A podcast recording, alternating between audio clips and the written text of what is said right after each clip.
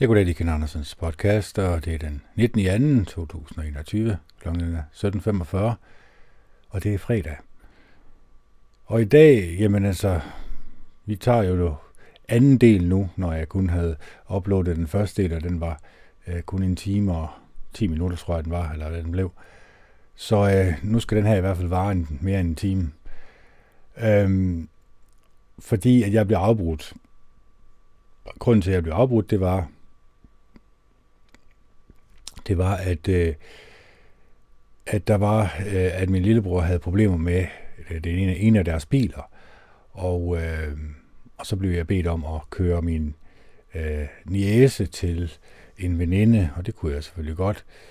Øh, men så min nevø, han ville jo også gerne ud, øh, og så spurgte han efter, om han kunne få lov til at overnatte ned ved mig, og selvfølgelig kunne han det.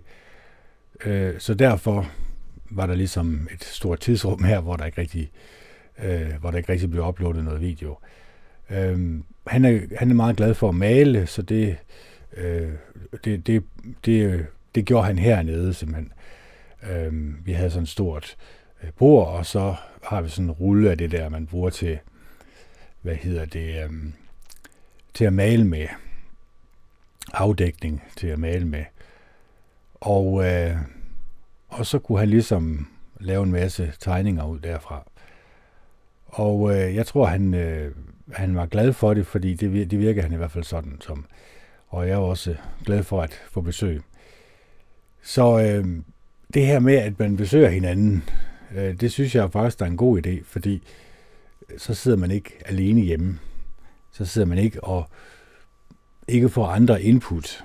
Og det er jo nok det, som er, øh, eller kan være svært i, i øjeblikket, det er jo selvfølgelig, at hvis man sidder alene, så kommer man også til at sidde alene med sine tanker. Og det er aldrig rigtig sundt ikke at få andre input. Ikke at komme ud og være blandt andre mennesker. Så, så det vil jeg varmt anbefale, og, og håber selvfølgelig også, at, øh, at hvis I har mulighed for det, jamen så besøger man selvfølgelig sine ven, venner og veninder, øh, for at man ligesom får noget socialt med hinanden. Selvfølgelig er der også alenetid, det er klart, det har vi alle sammen også brug for, men i særdeleshed i øjeblikket, øh, der, der er det jo nok øh, menneskelig kontakt med andre mennesker, som, som vi måske mange af os hungrer efter. Og, øh, og det vil jeg da være varmt anbefale, at man, man gør alt, hvad man kan, for at, øh, øh for at få det ønske opfyldt. Øh, og det er klart, jeg kan jo kun tale for mig selv, men, men det er klart, at I, I derude må jo, vi er jo individuelle, så, så der er nok nogen, der har forskellige behov i forhold til andre. Der er jo også nogen, der er introverte, altså nogen, som godt kan lide at være alene, og øh, dem tror jeg nok, øh, sådan har indtryk af, der muligvis kan gå rundt og være sådan lidt meget corona-forskrækket, forstået på den måde, at de har været introvert i, i, i lang tid, i mange år, og så, øh, og så kommer det her corona, og så har de jo egentlig noget, hvor de kan trække sig endnu mere ind i sig selv. De kan holde endnu mere afstand til andre mennesker, og øh, det kan godt være, at de tror, at de har, de har det godt med det. Men inderst inde, så skriger de selvfølgelig efter at, at få øh, andre mennesker til at elske dem, og til at værdsætte dem, og til at vise dem opmærksomhed. Øh, fordi det har jeg jo talt om tidligere. Jeg tror, at alle mennesker, vi har alle sammen brug for kærlighed fra andre mennesker. Vi har alle sammen brug for, at andre mennesker viser os opmærksomhed og en oprigtig interesse for hinanden. Øh, det er jo ikke det, vi ser i øjeblikket. Desværre. Det er jo noget, man skal søge. Det er noget, man skal gøre en aktiv indsats for at opnå øh, fordi samfundet jo desværre på en eller anden måde øh, går, går over i det her frygtbaserede samfund. Og hvor kommer frygten fra? Det jeg talte tidligere om, jamen det kommer jo fra det, vi får ind gennem øjnene og ørerne. Så vi bestemmer egentlig også selv lidt over, hvad vi vil lade os blive bange for. Så derfor vil jeg foreslå, at man holder det på et minimum at man tager alt det, som kan gøre en ked af det, som kan øh, få en til at frygte og fjerner fra sit liv. Hvis der er mulighed for det, hvis der er mulighed for det, jamen øh, så er det da klart, så fjern det der fra dig. Det, det, det er noget, der giver sig selv. Så, så det vil jeg jo det vil jeg altid anbefale, at man gør. Man analyserer, hvad det er, der gør en ked af det. Og så hvis det er muligt for en at fjerne det fra en, fra en selv, så gør man selvfølgelig det. Det er klart. Øhm, og så vil man også opdage, at når man fjerner det, så sænker der også en eller anden form for ro over en. Så bliver man mere sådan stille og rolig. Så vil man mere kunne, nu når jeg snakker om meditation også, så vil man jo i endnu højere grad, hvad kan man sige, kunne slappe af. Jeg har snakket meget om det her med, med, med meditation, men især vejrtrækning. At man ikke bare, hvis man nu holder lidt øje med sin vejrtrækning og finder ud af, at man, man ligger sådan meget op øh, og, og meget hurtig vejrtrækning. Man hyperventilerer næsten. Det, man måske ikke, det lægger man måske ikke mærke til. Men hvis man gør det, hvis, eller hvis man lægger mærke til det, så er det jo ret vigtigt, at man går i gang med at arbejde på sin vejrtrækning. Får det ned i maven, sådan at det er maven, der egentlig bevæger sig. Og så bagefter lungerne, eller de øverste del af brystkassen. Fordi så vil man opdage, at bare den lille øvelse med, at man trækker vejret med maven, og så med brystkassen bagefter, det vil sænke ens stressniveau betydeligt. Øhm, og så dem vil jeg varmt anbefale, at man, man går i gang med. Og så er der selvfølgelig også øh, de ydre omstændigheder. Det, det er noget, der giver sig selv, at vi mennesker, vi, vi er jo meget ængstlige i øjeblikket over den nye epidemilov, over den manipulation, vi ser fra regeringens side, og hvordan de, de prøver at øh, påtvinge den danske befolkning en hel masse øh, restriktioner, som på en eller anden måde, som jeg har talt om i 7-8 år, ligner øh, en diktatorisk stat. Altså det, det kommer mere og mere til at ligne, at de dikterer, hvad vi skal gøre, og så skal vi gøre det, for ellers så kommer politiet og giver os bøder, eller smider os i fængsel, eller hvad det er værre. Og, og det er jo så altså et frygtbaseret samfund, som, som de ønsker. Undskyldningen er selvfølgelig den her coronavirus, men tallene viser noget andet. Det er jo det, der er lidt problemet. De kan jo ikke vise nogle voldsomme dødstal, derfor fokuserer de selvfølgelig på øh, smittetallene. Så kan de heller ikke rigtig påvise det er særlig slemt. Jamen, så finder vi jo en mutation, og så kan vi lukke landet ned. Og det har jeg jo talt om til hudløshed, og det gider jeg ikke at tale om. Altså, det er jo The Great Reset og alt det der, det kan I selv slå op. Øhm, og så vil vi finde ud af, at de måske ikke arbejder på øh, den almindelige danskers ved og vel, men snarere nogle øh, onde kræfter andet steds fra. Og på et eller andet tidspunkt, så vil vi sidde i en eller anden form for diktatorisk øh, frygtstat. Alle 1984 selvfølgelig, det er klart. Og så vil vi vågne op og så tænke, hvad kunne vi have gjort?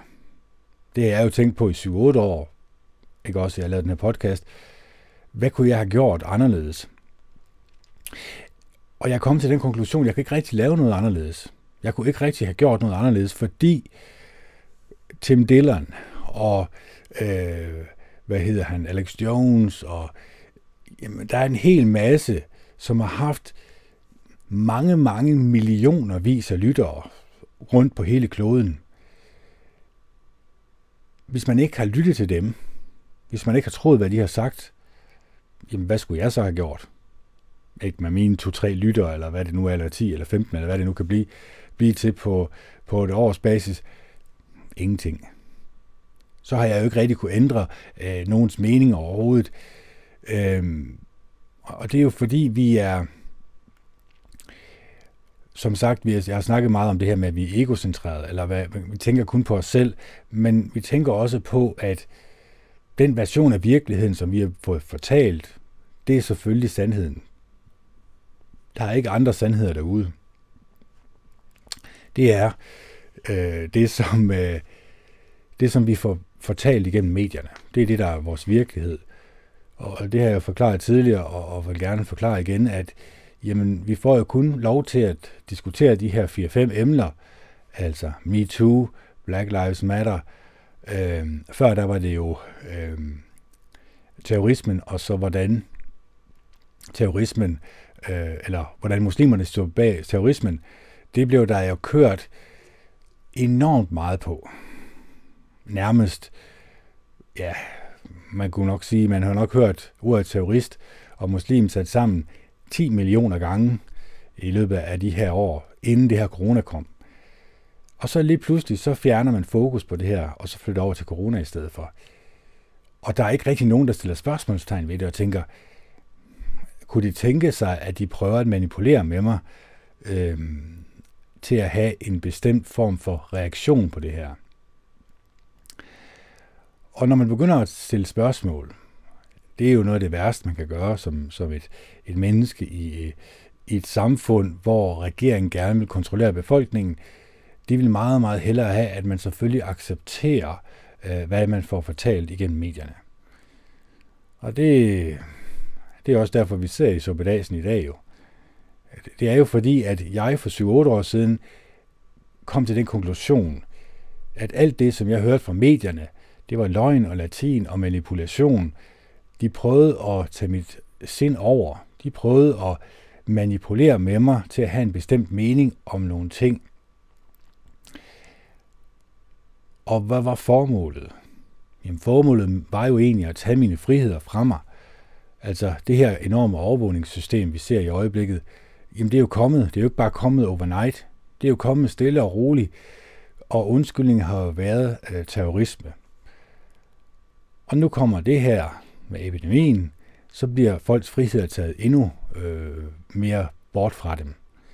Vi kommer til at, desværre tror jeg, det er ikke noget, jeg håber på, men jeg desværre tror, vi kommer til at leve i et samfund øh, ligesom det kinesiske.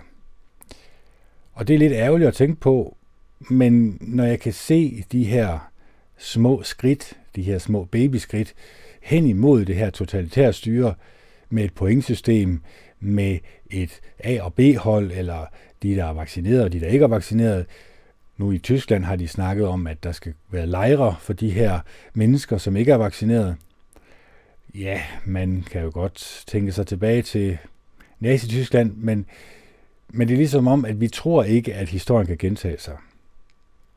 Vi tror, at, vi, vi sidder jo her, vi har det godt og rart, trods alt, selvom vi har de her restriktioner. Øh, men vi kan godt mærke, jeg kan i hvert fald godt mærke, jeg kan kun tale for mig selv, jeg kan godt mærke sådan en knugende fornemmelse. Det er ikke godt det her. Det er, det er ikke, øh, det er ikke et, øh, et frit samfund længere, snart tværtimod. Og hvad kan man gøre ved det, som jeg har sagt tidligere, hvis man ikke troede på de her mennesker, som havde millioner vis af lyttere verden over? Jamen, hvorfor skulle man så tro på lille mig? Og hvorfor skulle jeg så fokusere på at tale om de her ting? Så kan jeg jo lige så godt fokusere på næstekærlighed, venlighed, øh, ydmyghed, mildhed, og det, at man kan beherske sig selv, og det, at man går den buddhistiske vej i stedet for. For den buddhistiske vej, det er jo meget med, at man mediterer over kærligheden, over næstekærligheden, over at blive et endnu bedre menneske. Og hvordan man bliver et endnu bedre menneske også. Hvordan kan jeg undgå negative tanker øh, fra at komme ind i mit sind og hjerte, og så komme ud af min mund også selvfølgelig. Hvordan kan jeg undgå det? Og hvordan kan jeg fylde mit hjerte og sind med gode og positive tanker i stedet for? Se, se det er jo en kunst at kunne gøre det. Det er noget, der kræver øvelse, og det er egentlig også noget, der kræver en lille smule form for selvdisciplin. Fordi vi bliver alle sammen påvirket af skærmen. Det er jo, det er jo, kan man sige, det er jo derfor, jeg sidder her. Det er jo fordi, at folk kan se mig på en skærm jo. Og øh, jeg ved ikke, som jeg sagde tidligere, om det her det er en form for algoritme, øh, hvis man kigger på øh, computerspillet, det nye computerspil. Øh, den hedder Little, Little Nightmares 2, hvor at øh, det her tårn, det kontrollerer de her mennesker øh, til at begå de her grusomheder men også til at være afhængig af den her skærm, og til at nogle af dem begår endda også, også øh, selvmord ved at hoppe ud fra bygningen. Øhm, det er måske en algoritme på den, det samfund, vi lever i i dag. At vi alle sammen er afhængige af skærmen. Vi kan jo lige så godt indrømme over for os selv, hvis vi bruger x antal timer om dagen på skærmen, jamen så er det jo en afhængighed. Det er jo noget, der giver sig selv. For hvis det ikke er en afhængighed, jamen så holder du jo bare op med at kigge på skærmen fra i morgen af, eller undskyld, fra nu af, og slukker, og så ser du ikke på skærmen længere. Det vil du finde ud af meget, meget svært. Og hvorfor, hvorfor er det svært? Jamen, det forklarede Alex Jones jo for 20 år siden, eller 15 år siden, hvordan han forklarede, at øh, fjernsynet putter os i en form for, ikke søvntilstand, men en form for mellem søvn og vågen tilstand. En form for hypnosetilstand. Fordi vi sidder jo og slapper fuldstændig af, men vi er stadigvæk følelsesmæssigt involveret på en eller anden måde i det, vi ser. Så vi har egentlig fået en følelsesmæssig forbindelse til vores fjernsyn. Vi har fået en følelsesmæssig forbindelse til vores mobiltelefon. Men vi har mistet den følelsesmæssige forbindelse til vores medmennesker. Det er lidt ærgerligt, var. Det er lidt trist. Men det er jo sådan, det er. For de fleste, kan man sige. Øh, I større eller mindre grad. Jeg er godt klar over, at hvis man har nogle nære venner og veninder, og, og man har og man morer sig med dem, og man har det godt og rart med dem, så er det selvfølgelig noget, man skal værdsætte. Så er det selvfølgelig noget, man skal bibeholde. Øh, så er det selvfølgelig noget, man skal tage og holde tæt til hjertet og sige, det her det er det mest dyrebare i mit liv. Det er ikke min mobiltelefon, eller skærmen, eller hvad det nu kan være, eller computerspillet. Det er mine medmennesker, som fortjener min kærlighed og min opmærksomhed.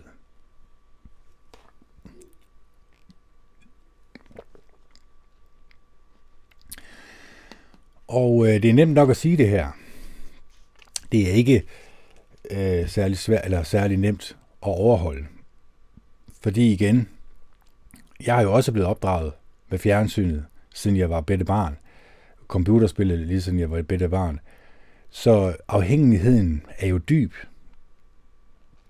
Og det er jo den her afhængighed, som de ved, øh, de mennesker, som står bag fjernsynet. Altså, det er jo ikke bare dumpet ned fra, fra himlen af.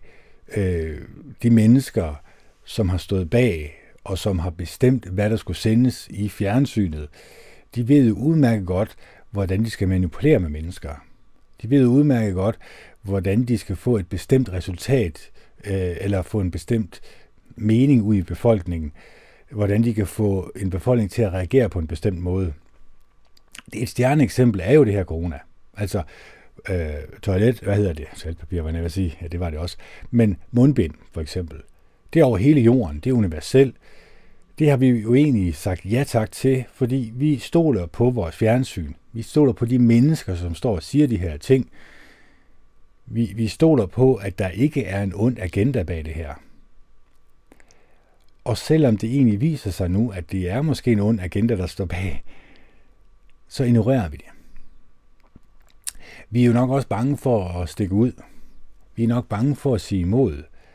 Fordi vi ved, at man kan egentlig sige, at øh, mod er jo også det, at nogen de kan løbe op ad en bakke med et gevær og så beskytte deres venner og familie, ikke også?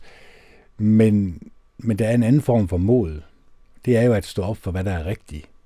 Og man, man må jo nok sluge nogle kameler for at gøre det. Man må nok sige til sig selv, jamen, jeg bliver nødt til at stille mig ud på scenen øh, Øh, på den offentlige øh, skueplads for at gøre en forandring i, i samfundet. Det sker ikke inde på Facebook og Twitter og Instagram. Det, det, det gør det simpelthen ikke. Øh, og den konklusion, man kommer til der, det gør jo også, at man tænker, som det gamle ordsprog, det kinesiske ordsprog siger, øh, det søm, som stikker ud, bliver hamret tilbage igen. Så det vil også sige, at hvis du stikker dig ud i samfundet, hvis du øh, gør opmærksom på dig selv i samfundet, jamen så er det da klart, at hvis du ikke har den mening, som regeringen og The Mainstream Media vil gerne have, at du skal have, jamen så bliver det selvfølgelig banket tilbage igen på plads. Det er noget, der giver sig selv. Folkedomstolen er der også nogen, der siger, at det er. Men, øh, men det er jo fuldstændig ligegyldigt med, som, øh, med, med Folkedomstolen. Fordi vi sidder jo stadigvæk i subedasen. Altså vi sidder jo stadig med, folk, øh, med, med forslag på forslag på forslag, som kraftigt reducerer øh, befolkningsfriheder i, i en sådan grad, at, at vi nærmest, ja, om ikke ret lang tid, så er vi under en eller anden form for fascistisk styre. Og øh, det har Folkedomstolen jo ikke hjulpet med. De har jo nærmest, nu kan jeg se, at der var en eller anden rigmand fra Lego, som havde kørt hans bil i en sø, og så folk, så er de sure over det. Ikke? Altså noget, der er fuldstændig ligegyldigt, noget, som ikke har nogen indvirkning overhovedet på deres liv, det kan vi blive oprevet over. Men det, som har indvirkning på vores liv, og som har indvirkning på børnebørnene og børnenes liv i fremtiden i ekstrem grad, må man sige, det er ikke noget, vi blander os i. Det er ikke noget, som vi tager os af. Så, så de ting, der egentlig betyder noget, som virkelig betyder noget for, hvordan vi har samfundet, dem kæmper vi ikke for. Altså man kan sige, jeg har jo lavet den her podcast i 8 år, og der har ikke rigtig været nogen lytter og sådan noget, så kan det jo egentlig også være lidt ligegyldigt. Fordi jeg, jeg har jo også prøvet at tale med de her ting, øh, om de her ting med andre mennesker. Men jeg kan godt se, de er så langt væk fra det.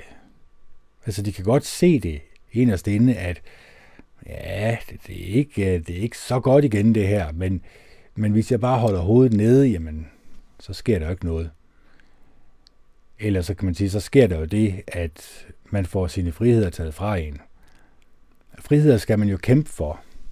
Det, det, ellers så bliver de taget fra en. Og det, det er jo sket op igennem verdenshistorien. Altså alle de riger, der har været, hvor øh, regeringen har undertrykt befolkningen rigtig meget, det har været for, at de har overladt det til regeringen at lave nogle love, som har undertrykt befolkningen. Og i særdeleshed i dag, der er det jo frit tilgængeligt. Der er alle oplysninger frit tilgængelige. Det er jo ikke sådan som i gamle dage, hvor der ikke rigtig var noget internet. Jamen, der skulle du jo stole på øh, DR og TV2. Jeg ved godt, der også var internet på det tidspunkt, men, men ikke i så stor grad. Det var der, hvor du fik dine oplysninger fra. Du fik dine oplysninger fra aviserne, og så stolede du på dem. Du overlod egentlig andre mennesker øh, til, at til, til at fortælle dig sandheden. Og når du overlader andre mennesker til at fortælle dig sandheden, så skal du stole på dem. I meget høj grad, må man sige.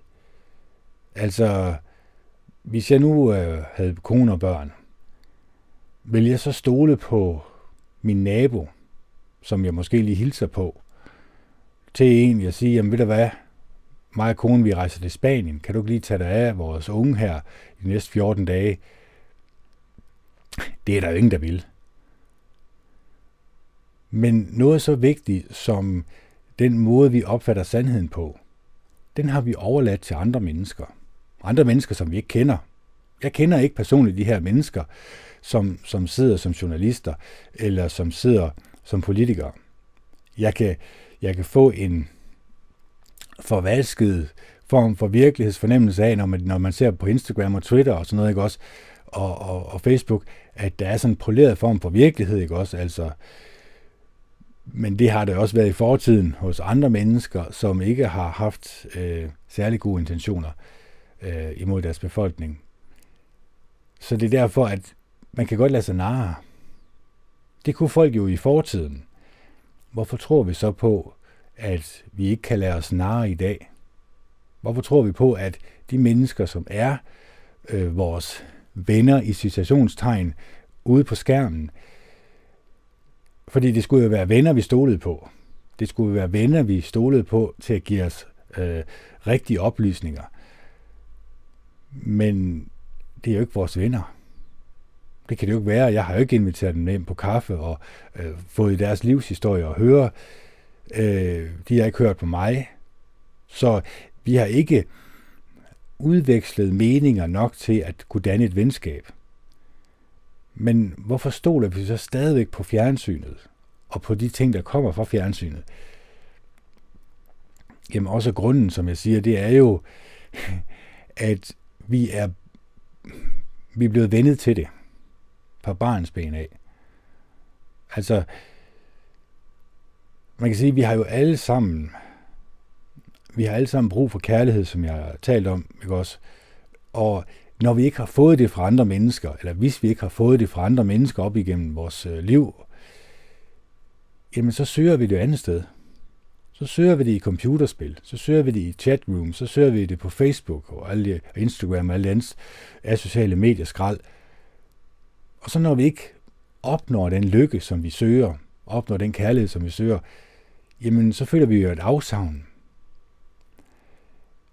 Og det afsavn, det kan jo ikke bare sådan lige blive fyldt med, med mennesker, som vi stoler på, siger sandheden til os, men som vi ikke kender personligt.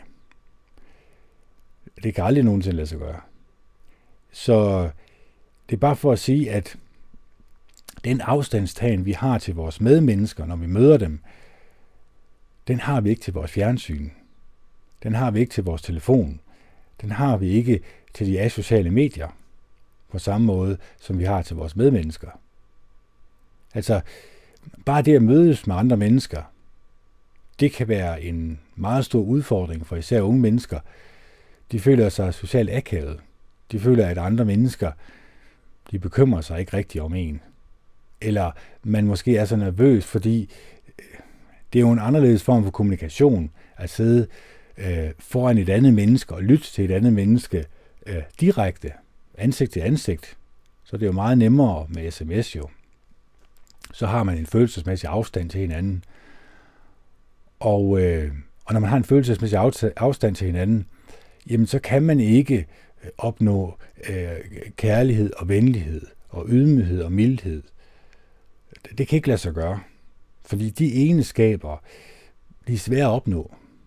Altså, jeg vil jo 100 gange hellere have, at jeg var opdraget i et buddhistisk samfund. Et samfund, hvor alle andre mediterede over kærligheden og venligheden, over det at kunne bekymre sig om andre mennesker. De brugte mange timer på det om dag, øh, hver dag, og det gjorde jeg også selv, fordi jeg var buddhist. Jamen sådan et samfund, det er jo nok en af de mest harmoniske samfund, der har været her på jorden.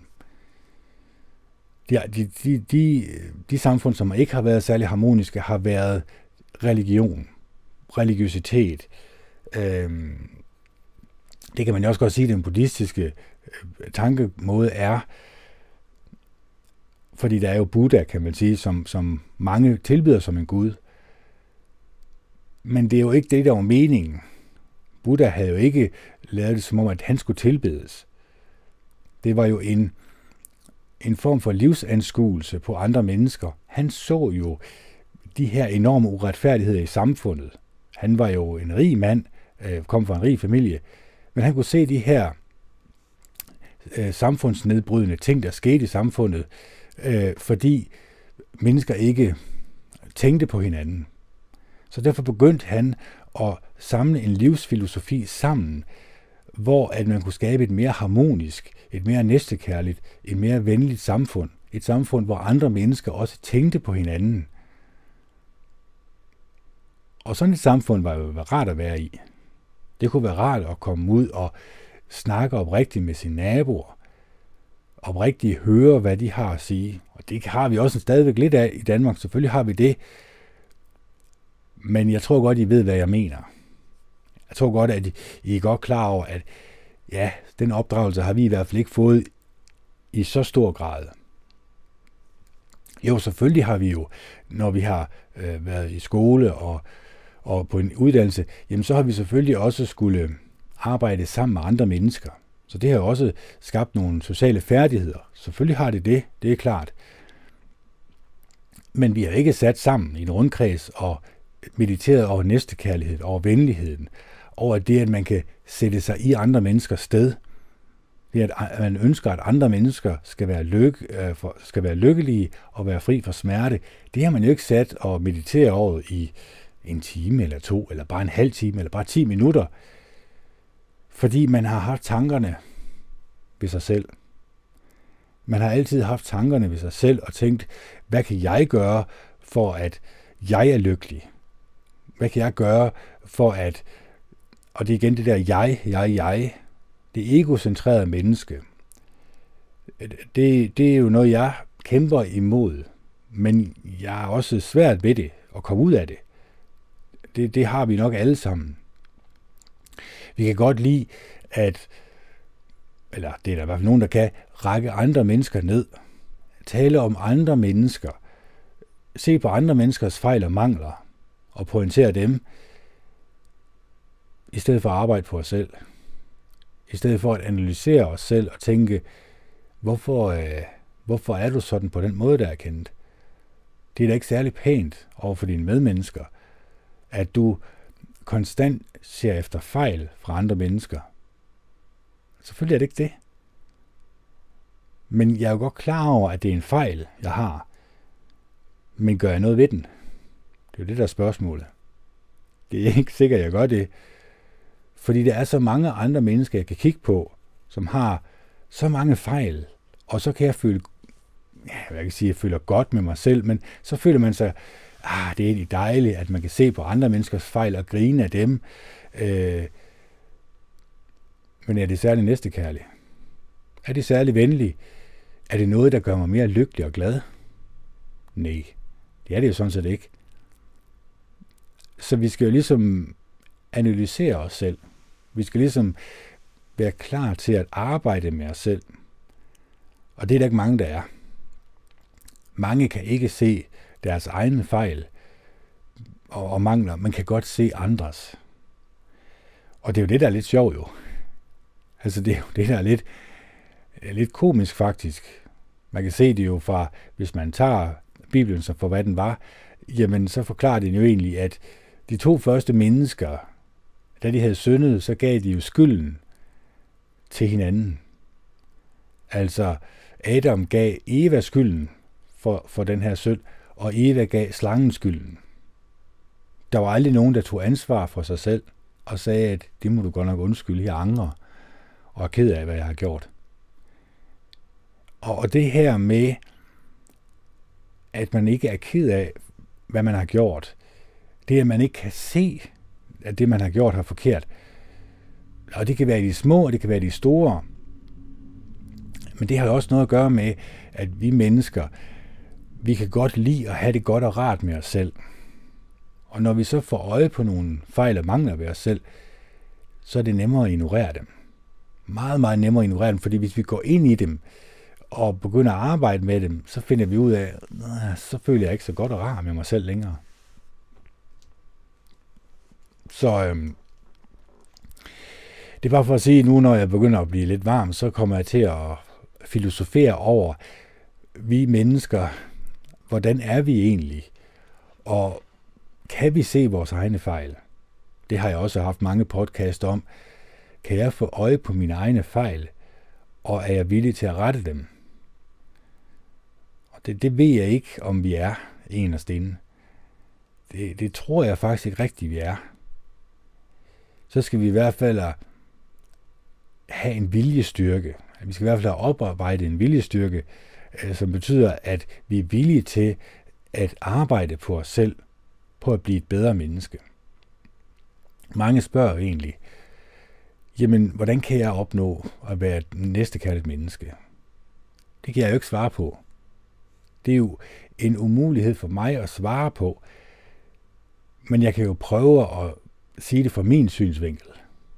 Altså, det at man oprigtigt interesserer sig for andre mennesker, oprigtigt lytter til, hvordan de har det, oprigtigt vil, at det her menneske skal være lykkelig og glad og fri for smerte, og også gøre noget ved det. Ikke bare siger det højt, men ringer til vedkommende og hører, hvordan vedkommende har det. Og hvis det er muligt, så besøger man selvfølgelig vedkommende, viser, at man tænker på vedkommende, og er der for vedkommende. Og så det her med, For vi kan jo godt analysere Bibelen, ikke også? Altså, lykkeligt de har et mildt sind, fordi de skal arve jorden. Har vi et mildt sind? Og med et mildt sind, og det er jo igen, der skal man til at analysere sig selv en gang imellem. Når man,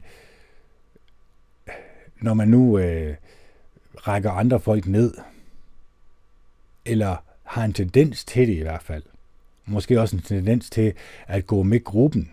Hvis nu gruppen gerne vil række en person ned, jamen så er, det, så er det sjovt, og så er det rart, så føles det godt, når man er med i det her fællesskab med gruppen.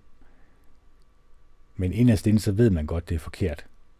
Inderst inde, så ved man da godt, at det her, det hjælper i hvert fald ikke på min rejse på at blive et mere næstekærligt menneske. Det, det er noget, der giver sig selv.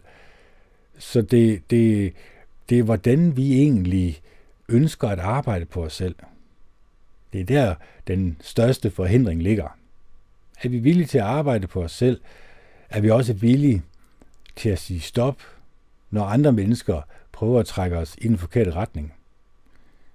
Det er jo nummer to. Det er jo også en af de helt svære. Det er jo, er vi villige til at sige nej tak, når andre mennesker fra gruppen Øh, ønsker at trække os i den forkerte retning? Fordi det er jo også noget med gruppepres, er jo også noget af det værste. Fordi det fører mange mennesker på vildspor. Det fører mange mennesker ud på et sidespor, hvor at de mentalt siger egentlig, nå ja, byt med det her næste kærlighed, fordi det føles bedre at være med i den her gruppe. Det føles bedre, at jeg ikke begynder at diskutere med dem omkring det her emne, fordi jeg ved jo godt, at så bliver jeg jo rækket ned på. Så er det mig, der står for skud. Så er det mig, som, øh, som det skal gå ud over. Og det ønsker man selvfølgelig ikke, det er klart. Så derfor så vil man selvfølgelig ikke prioritere, når øh, gruppen trækker en i den forkerte retning. Og det er den der, og det er en af de helt, det er også en af de helt store øh, emner, som jeg egentlig burde tage op. Det er jo egentlig, øh, hvordan gruppen den tænker. Det kan godt være, at du har nogle, en vennekreds, når man taler om gruppen, men det kan jo også være kollektivt i samfundet. Altså gruppen i samfundet har en bestemt mening, og hvis du har en anden mening end dem, så bliver du jo kastet ud, kan man sige. Så føler du dig udenfor. Og den her uden for følelse, at føle sig udenfor, det er jo nok noget af det værste, et menneske kan føle. Det er ikke det, at vi om 5-10 år kommer til at sidde i en eller anden lejr, og så er det det, i en arbejdslejr, eller hvad det nu kan være, og så har fået de første 20-30 indsprøjtninger, øh, og på vej til at krasse af.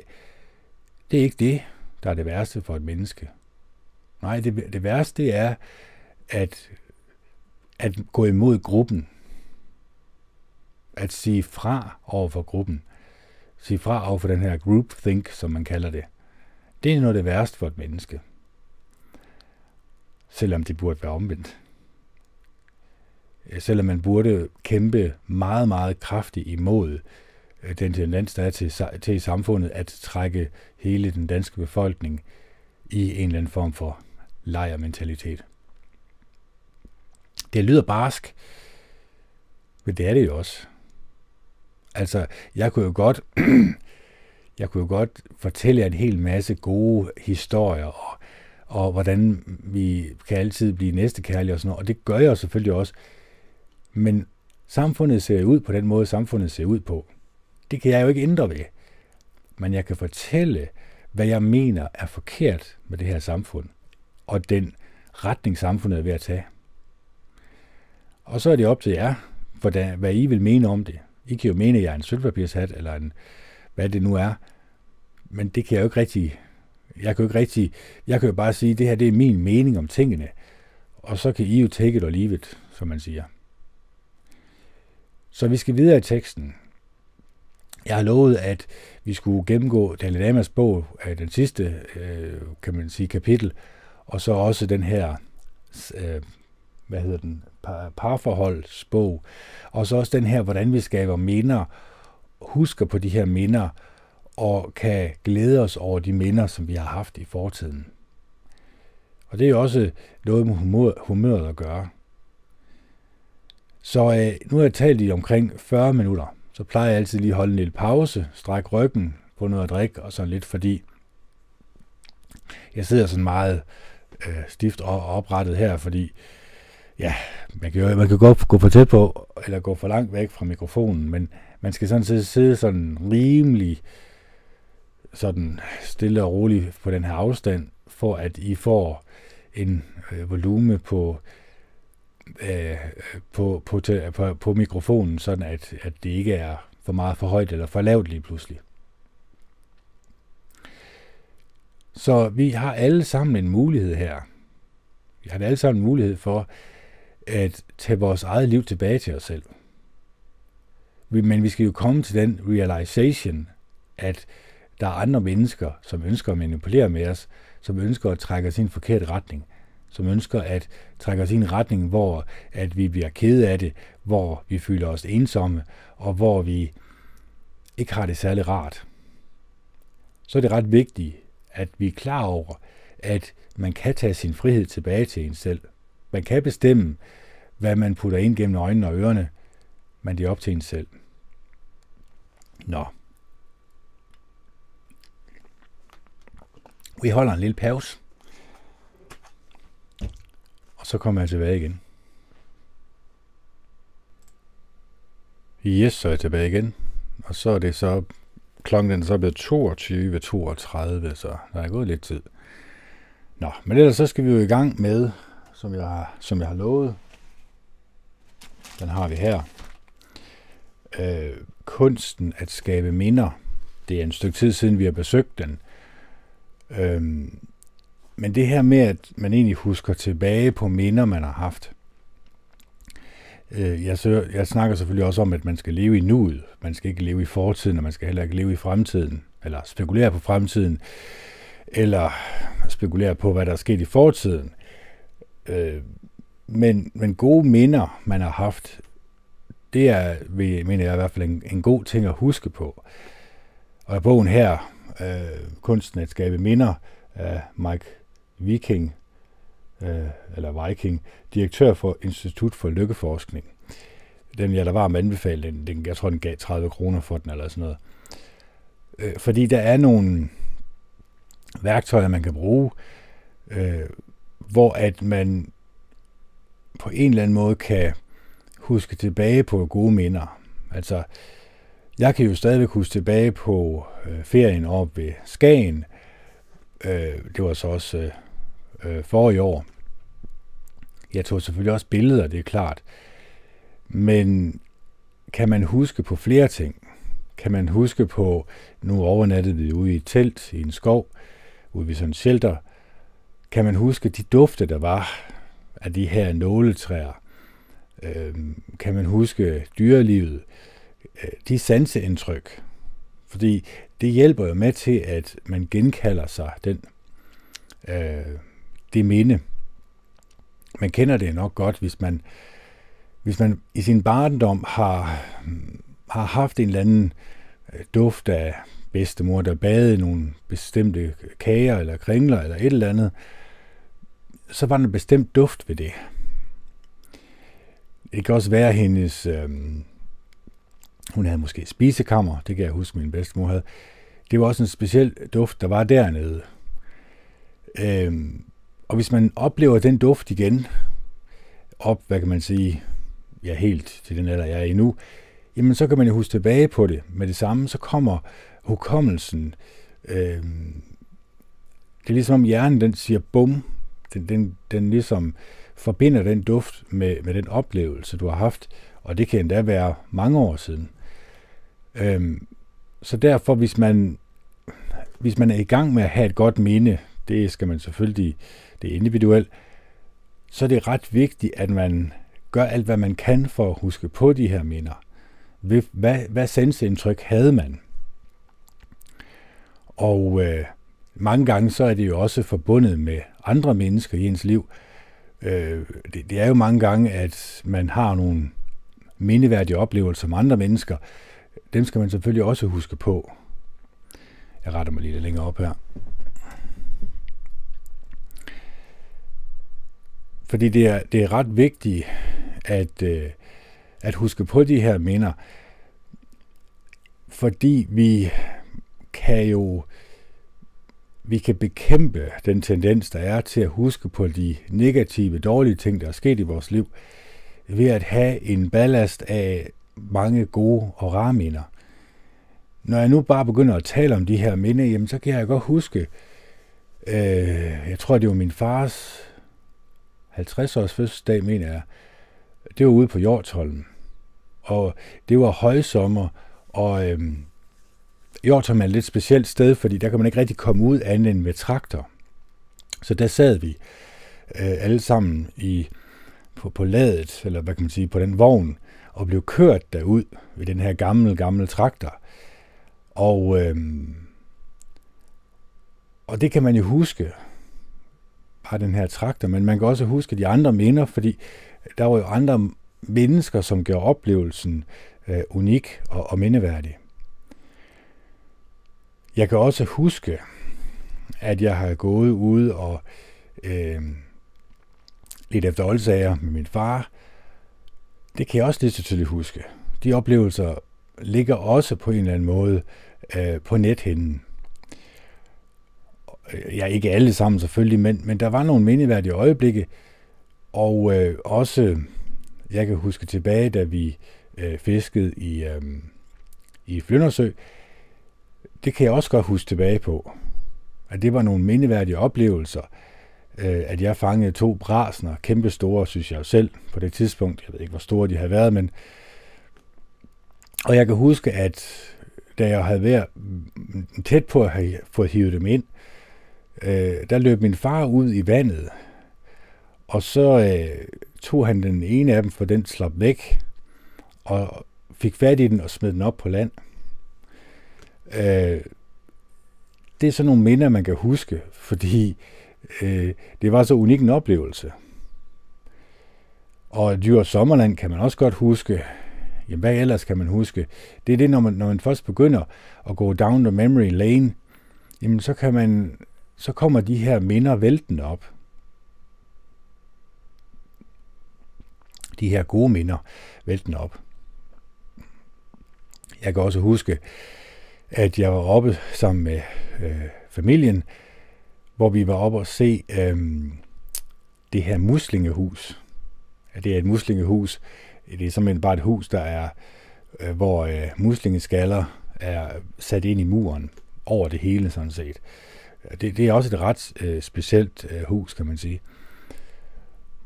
Og så har vi besøgt mange museer rundt øh, i Danmark også, og det har også været mindeværdigt. Tøjhusmuseet, hvor at der er alle de her øh, våben og ja, øh, krigsmateriale, kan man kalde det, fra gammel tid. Nationalmuseet har vi også været inde og kigge på. Øh, ja, og så også, fordi det er også igen, det, det er jo minder fra Danmark. Jeg kan stadigvæk også godt huske, at jeg var i Barcelona øh, med ungdomsskolen. Øh, det, det ligger også frisk i erindringen. Og en af grundene, det er jo det, fordi det er helt nye sansindtryk.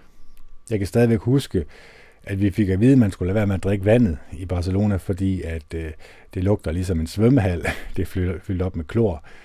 Øh, så når man bliver vasket, så lugter det ligesom om, man er været i svømmehal. Øh, og ellers så kan jeg selvfølgelig også huske de sansindtryk, der kom derfra.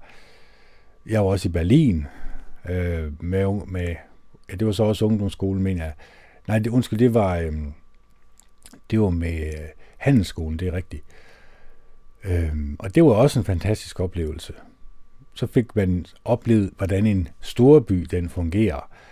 Øh, jeg kan også huske med den folkeskolen, vi var over i København, hvor vi skulle gå rundt. Vores projekt var Københavns hovedbanegård, og hvor vi, øh, hvor vi faktisk blev vist ned af politiet ned der, hvor øh, stiknarkomaner de var og sådan noget. Øh, lidt en voldsom oplevelse, men, men det var jo også en side af medaljen, altså bagsiden af medaljen, øh, som også skulle med i det her projekt, vi havde omkring af hovedbanegården. Vi, vi, vi fandt jo også ud af, hvor mange mennesker, der kommer igennem, og den her enorme trafik, der er sådan et sted. og det logistik, der også hører med til det. Og hvad har der ellers været? Jamen, hvad har vi ellers gjort? Jo, altså, Grønland. Jeg har været i Grønland en uge med, øhm, med det var også med, med ungdomsskolen, eller det er med ungdomsklubben, må det have været, ja. Det var også en oplevelse uden lige, hvor vi kom ud med helikopter og, og kom ud til indlandsisen og så et, et, øh, et stykke af indlandsisen brække af. Det gav noget af et brag, skal jeg lige love for. Og den her, det her enorme vide, der er deroppe, altså at du, øh, du kan se, hvor langt du nu kan se, ikke også, ude i horisonten, og du tror måske, jamen der er måske 10 km derover eller sådan noget, men der er i virkeligheden 40, 50 eller måske endda 100 km øh, derhen, til, til hvor du synes, at det ser ud som om, der ikke er så langt. Og, øh, og så den, det is, der er deroppe, det har sådan en lyseblå farve, som også er meget unik. Og så også dyrelivet deroppe selvfølgelig. Det, det, det er nok ikke noget, man sådan lige tænker over, men det er der også. Vi blev jo, øh, vi blev jo nærmest evakueret. Vi skulle gå, eller vi skulle cykle 5 km, og så skulle vi stille cyklerne, og så skulle vi gå 15 km. Og så skulle vi selvfølgelig gå 15 km tilbage igen, og så, og så, øh, og så øh, køre øh, cykel tilbage på cyklerne. Men så lige pludselig, så kom der en, en varevogn, eller ikke en varevogn, men sådan en stor transporter, som kom og hentede os, for vi, havde, vi var fire, som var sukket lidt en lille smule bagud. Øhm, vi blev simpelthen hentet, fordi at øh, de her moskusokser, de havde øh, unger i øjeblikket, og de var blevet spottet i nærheden af, hvor vi var. Og øh, hvis man kender noget med moskusokser, så, så ved man, at Øh, dem skal man holde sig fra, øh, især når de har unger. Så der blev vi e-, e-, evakueret, sat ind i bilen og kørt ned til vores cykler. Øh, så var faren ligesom drevet over. De oplevelser, de ligger jo i, kan man sige, i vores hukommelse. Vi skal sådan set bare have dem frem jo. Og det er den her bog, synes jeg i hvert fald, er rigtig god til. Så derfor vil jeg lige skifte en eller anden vi skal et eller andet sted hen i hvert fald. Og øh, så har vi den der. Og så læser jeg lige højt, og så prøver vi lige at analysere.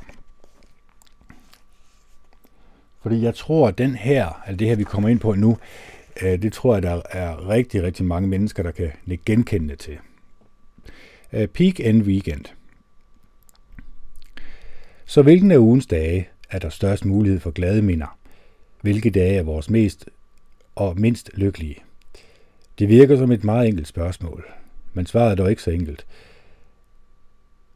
Mappiness-undersøgelsen indsamlede også data fra, 200, øh, fra 22.000 mennesker og en periode på to måneder for at undersøge den virkning, ugedagen havde på lykkeniveauet. Og mandagen det blev frifundet. Tirsdag er den værste dag. En af forskernes teorier er, at om mandagen var weekendseffekten stadig ved. Men om tirsdagen er den forsvundet, og næste weekend er stadig langt ude i horisonten. I en anden undersøgelse, publiceret af Journal of Appeal Social Psychology, der foretaget to forskere fra University of Sydney, fandt man dog, at humøret var lavest om mandagen. En tredje undersøgelse viste ikke nogen udsving hen over ugedagene, så juryen voterer stadig om mandagseffekten. Weekendseffekten er dog blevet påvist på tværs af de forskellige undersøgelser. For mange er weekenden højdepunktet. Folk melder om høje lykkeniveauer fredag, lørdag og søndag – nogle undersøgelser viser et dyk om søndagen, når man indser, at weekenden er ved at være slut. Grundene til, at folk oplever et højere lykkeniveau i weekenden, omfatter større selvbestemmelse, mere afslappning og mere samvær med andre. I løbet af ugen er der flere ting, vi ikke har indflydelse på, og vi står over for begrænsninger på vores tid med møder, ledere og deadlines. Vi er tvunget til at bruge tid med mennesker, vi ikke nødvendigvis er på bølgelængde med – i weekenden, kan vi i større udstrækning vælge aktiviteter, der gør os glade, og bruge tiden sammen med dem, vi elsker mest. Mange af os er selvfølgelig nødt til at arbejde i weekenden, og dem, der ikke passer ind i det klassiske 8-16 skema, vil selvfølgelig indberette anderledes resultater. Konklusionen er, at gennemsnitligt er folk gladere i weekenden. Tak Big Data for den klub visdom. Men hvis vi tager højde for Kalmans peak-end-teori, vil det måske være til nytte for os. Hvis vi afslutter weekenden med et højdepunkt, ser vi måske tilbage på den uge med mere glæde. Så, så det kender vi nok alle sammen. Altså man kan sige, at nu går jeg arbejdsløs, og det er der jo mange, der gør i øjeblikket. Så, så, det, er jo, så det er jo klart, at, øh, at den teori falder lidt til gulvet. Men jeg kan da godt huske det. Jeg kan da godt huske, at mandag, jamen den skulle bare overstås. Men man havde jo stadigvæk lidt glæde fra, fra weekenden af. Øhm, men, men problemet er jo lidt, hele den her teori er jo sådan set egentlig i øjeblikket fuldstændig øh, irrelevant. Vi er jo under det her lockdown. Der er ikke noget socialt, vi kan rigtig tage os til, altså øh, udenfor i samfundet. Øhm, så vi håber selvfølgelig, at, at, øh, at samfundet åbner op igen, men, øh, men det bliver helt anderledes. Fordi vi har jo gået nu i, i, i lang tid og frygtet hinanden, frygtet at gå uden for en dør, og frygtet det her coronavirus, og frygtet, frygtet, frygtet. Så at komme tilbage til normalen igen, kan være svært for mange. Og det her med at huske minder, som jeg lige har gjort, det kan jo hjælpe på humøret. Selvfølgelig kan det det. Men det kan stadigvæk ikke slå hele det her øh, man kan ikke slå det helt ud af hovedet, at vi er stærkt begrænset i vores friheder i øjeblikket.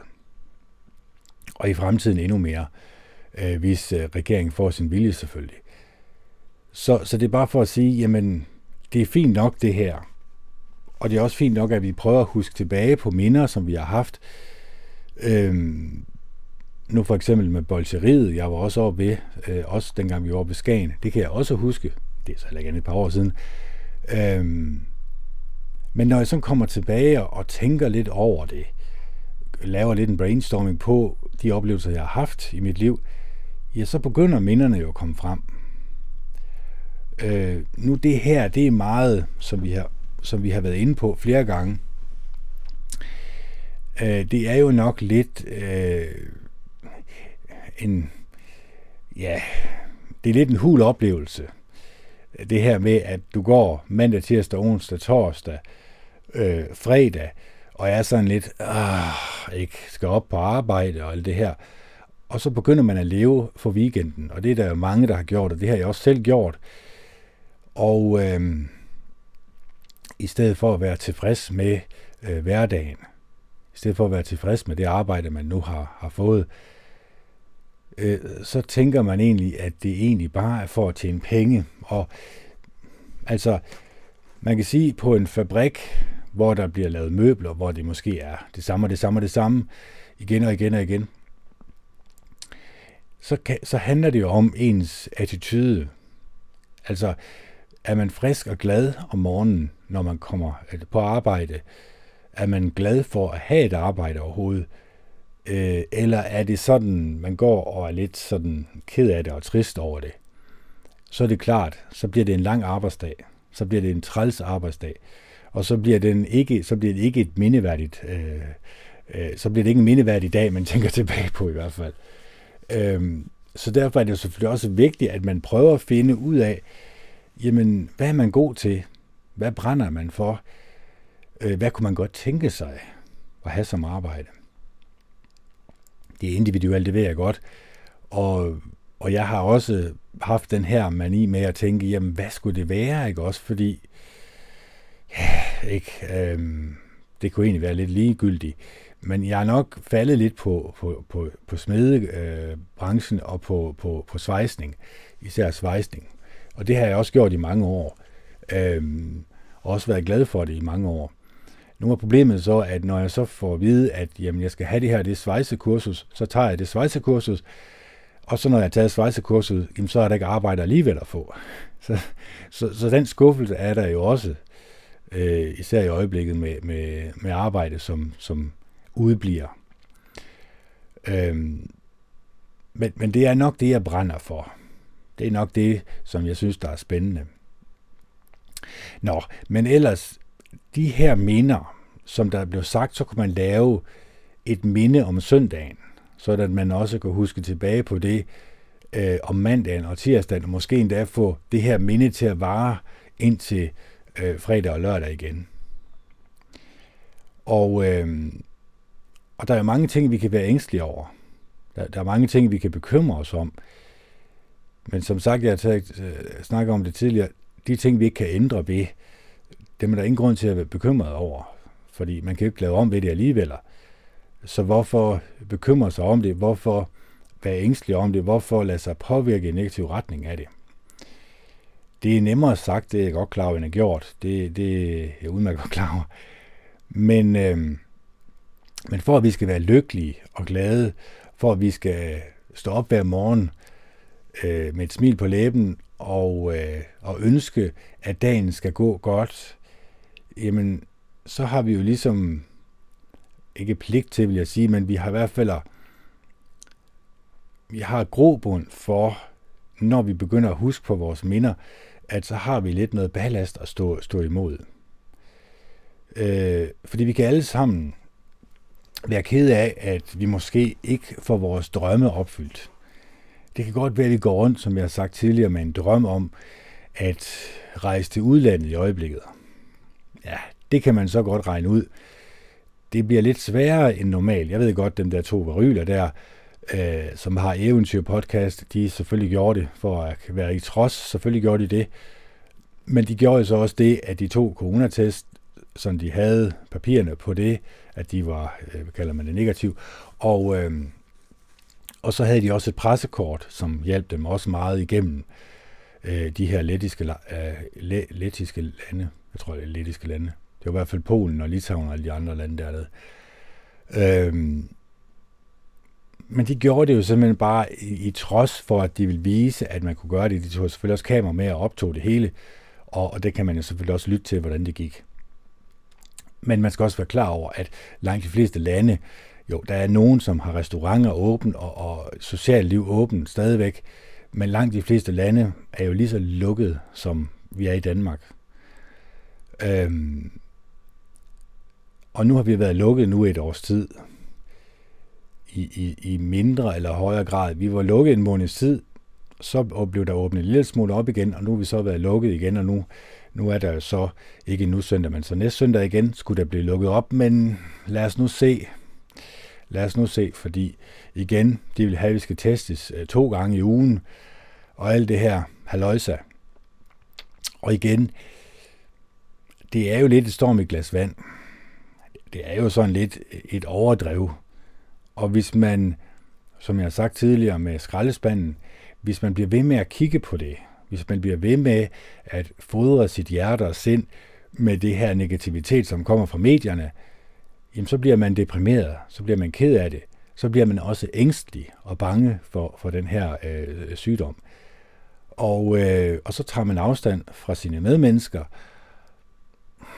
og så bliver man jo ikke et særligt lykkeligt menneske af det. Så, så det er derfor, jeg mener, at vi har mulighed for at være et lykkeligt menneske, men vi skal også være klar over, at øh, det kræver en indsats. Det kræver, at vi tager vores eget liv tilbage til os selv. Vi bestemmer selv, hvad vi putter igennem øjnene og ørerne, fordi det er det, som påvirker vores humør øh, i negativ eller positiv retning. Nå, vi skal videre i teksten. Kampen om gøremålene. Hvorfor en rendringer får os til at skændes?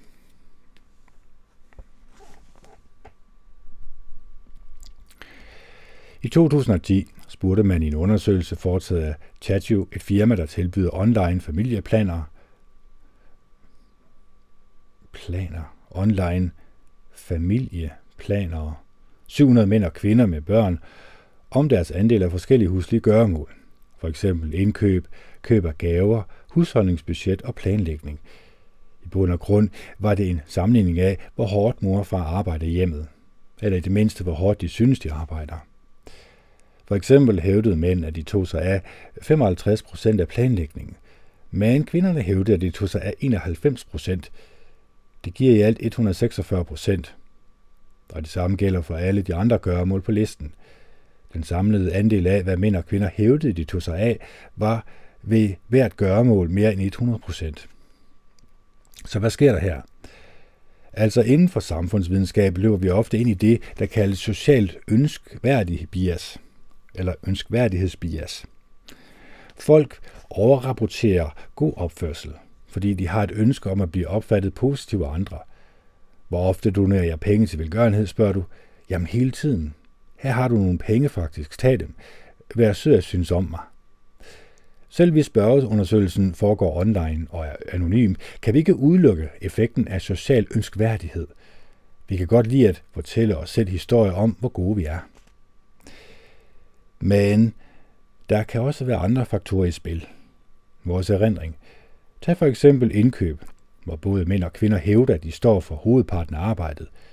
Mænd hævder, at de tager sig af 46 procent, og kvinder hævder, at de tager sig af 77 procent i alt 123 procent. Måske er det sådan, at erindring om, at vi udførte opgaven ganske enkelt hænger bedre fast.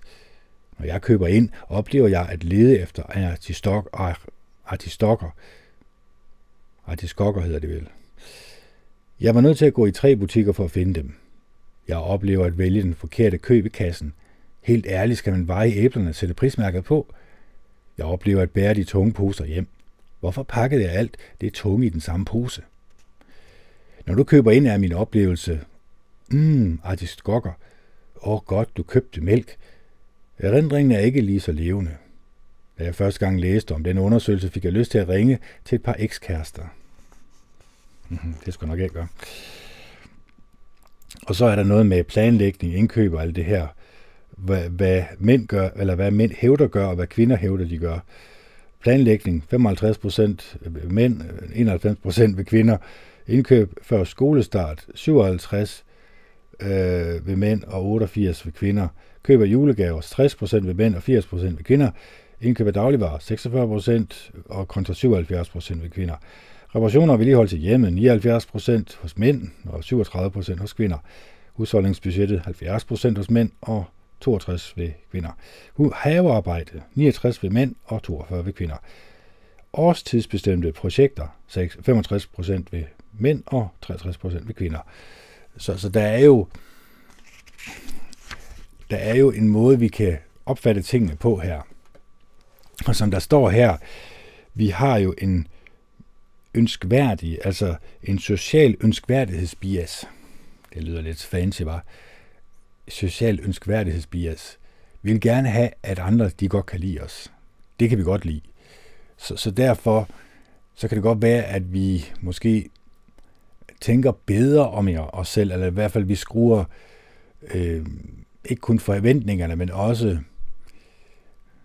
vores hukommelse, den spiller os lidt et pus, når vi skal øh, give øh, korrekte oplysninger om, hvor, hvor gode vi i virkeligheden har været og, øh, og det er klart, det, det, det, øh, det er nok en af de helt øh, store ting her, at vi har en anderledes opfattelse af os selv, end hvad vores partner måske har. Og som han selv siger, nu skal jeg lige ringe til, eller jeg ønsker i hvert fald lige at ringe til nogle af mine ekskærester, fordi de havde en helt anden opfattelse af det her. Og det, og det er jo klart, at et ægteskab eller et parforhold kan jo godt knirke og brage en lille smule, når der er forskellige opfattelser af, hvem der gør mest i hjemmet. Og, når de, øh, og det kan ikke forholde sig. Altså, det er jo klart, du kan ikke sige, at kvinden har 60%, og manden siger, at han har 70%. Det hænger ikke helt sammen. Der, der, er, der er et eller andet her, som ikke øh, hænger sammen her.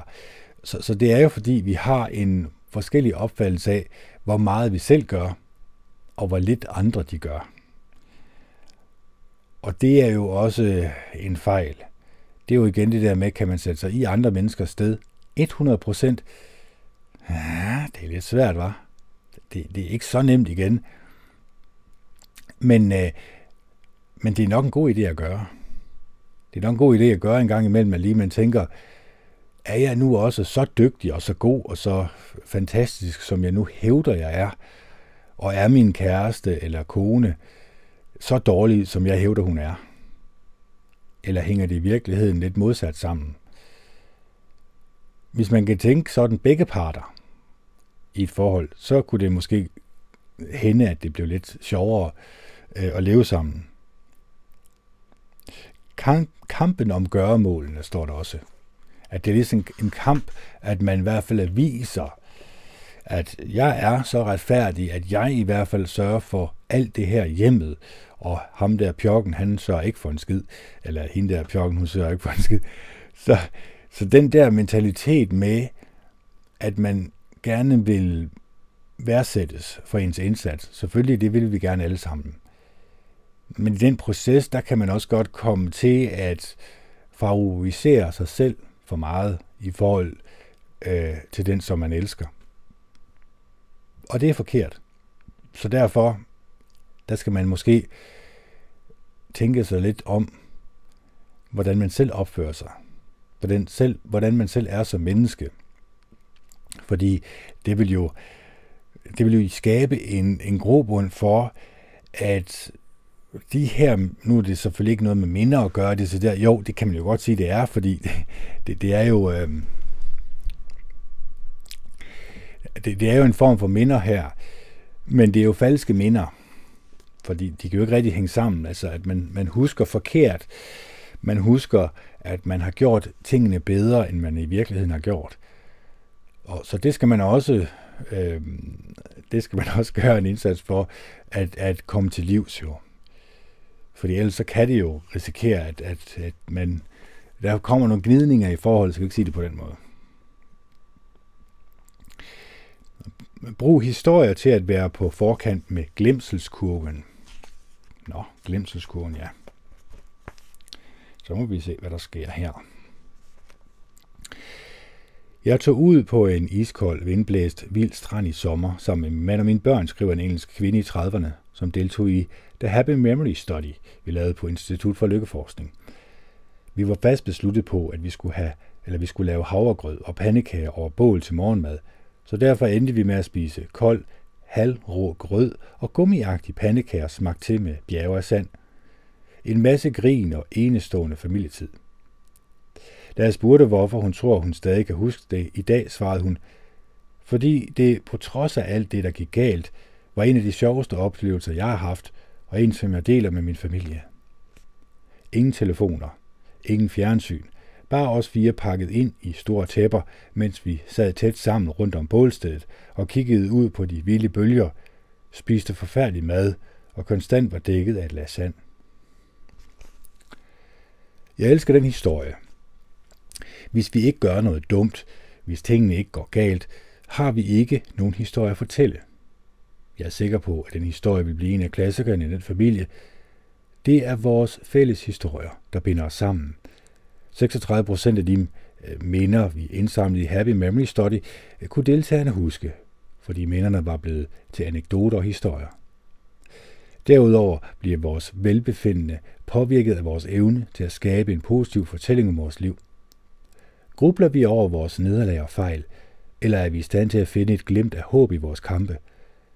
De sider, vi fokuserer på, når vi fortæller historien om vores liv, historien om, hvordan vi blev dem, vi er, har indflydelse på vores selvfølelse.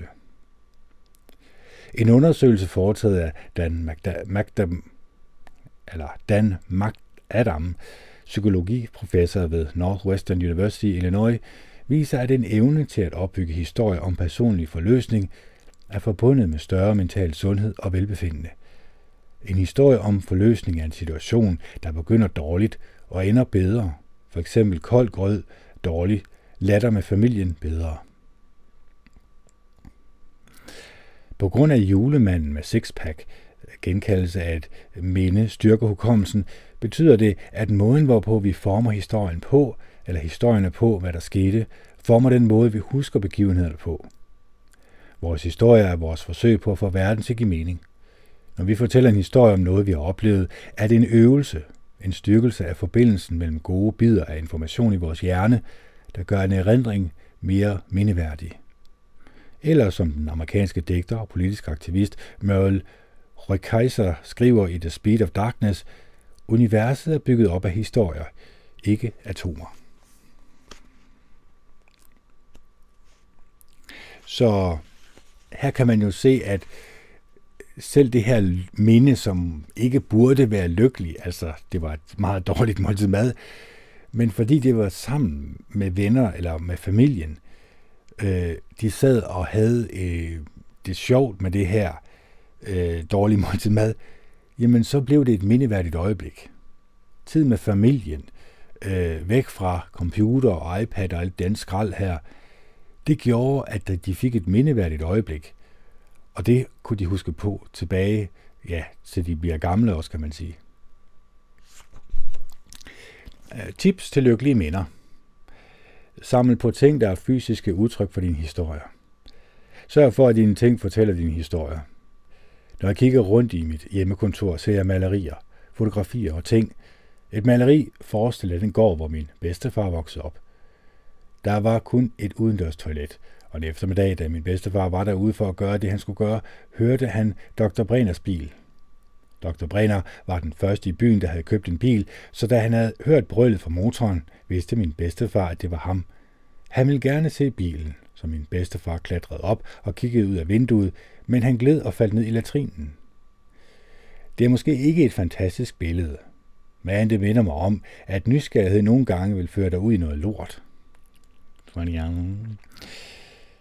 Jeg har også et fotografi, der er taget mellem 1912 og 1919 af den spanske digter Antonio Mactara, eller Mactoro, eller Macchiero. Ja, I finder selv ud af det. Sammen med resten af personalet på den skole i Baseta, hvor han underviste. Som du måske kan huske fra min erindringspukkel, tilbragte jeg tre måneder i Baseta for at skrive.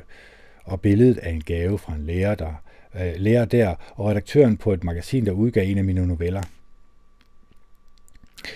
På en af hylderne er der et kamera, som min bedstefar gav min far i 1958.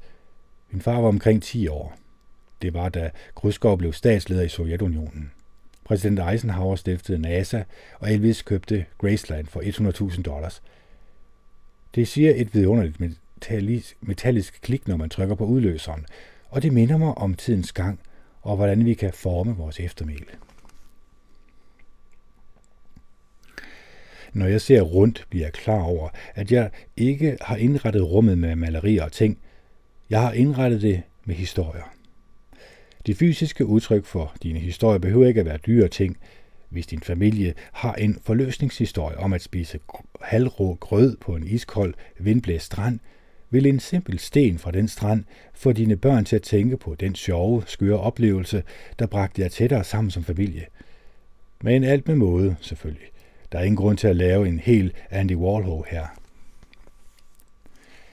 Så øh, kan man tage nogle fysiske ting med for det her minde, som man har haft, kan man have den til at ligge på sit bord, på sit skrivebord, så er det også en reminder om den her oplevelse, den familie har haft. Så at skabe på en eller anden måde øh, de her minder, det er utrolig vigtigt, at man gør det. Man kan også have malerier hængende eller noget, som minder en om den historie. Billeder er selvfølgelig billeder er selvfølgelig noget, som kan, kan øjeblikkeligt få dig tilbage igen til det øjeblik, du oplevede. Så, så billedet kan, kan i, i særdeleshed hjælpe en med på hukommelsen kan hjælpe en med. Fordi nu, nu kom jeg allerede til at tænke på, at øh, mig og min far og min lillebror, jeg kan huske, at vi engang var ude i en robåd sammen med et øh, ældre ægtepar. Øhm, og det blev der taget et billede af, da vi var midt ude på søen. Jeg tror, det var min mor, der tog det. Og det mene kan jeg huske, fordi det billede, det er der. Måske kunne jeg ikke huske det ellers, men det kan jeg lige så snart jeg ser billedet, så kan jeg godt huske, at mig og min lillebror, vi sad i den båd der. Jeg tror faktisk, det var, det var os to, der sad i den lille robåd, og så øh, min far og dem, de var i, i en anden båd længere hen. Så, så det minde, det kan jeg også godt huske, når jeg begynder at tænke tilbage med det her, på det her billede, så kan jeg begynde at huske, at det var blikstille. Det var ikke sådan, at der var voldsomme bølger eller noget på den her sø. Øhm, de her sanseindtryk kan jeg også godt huske.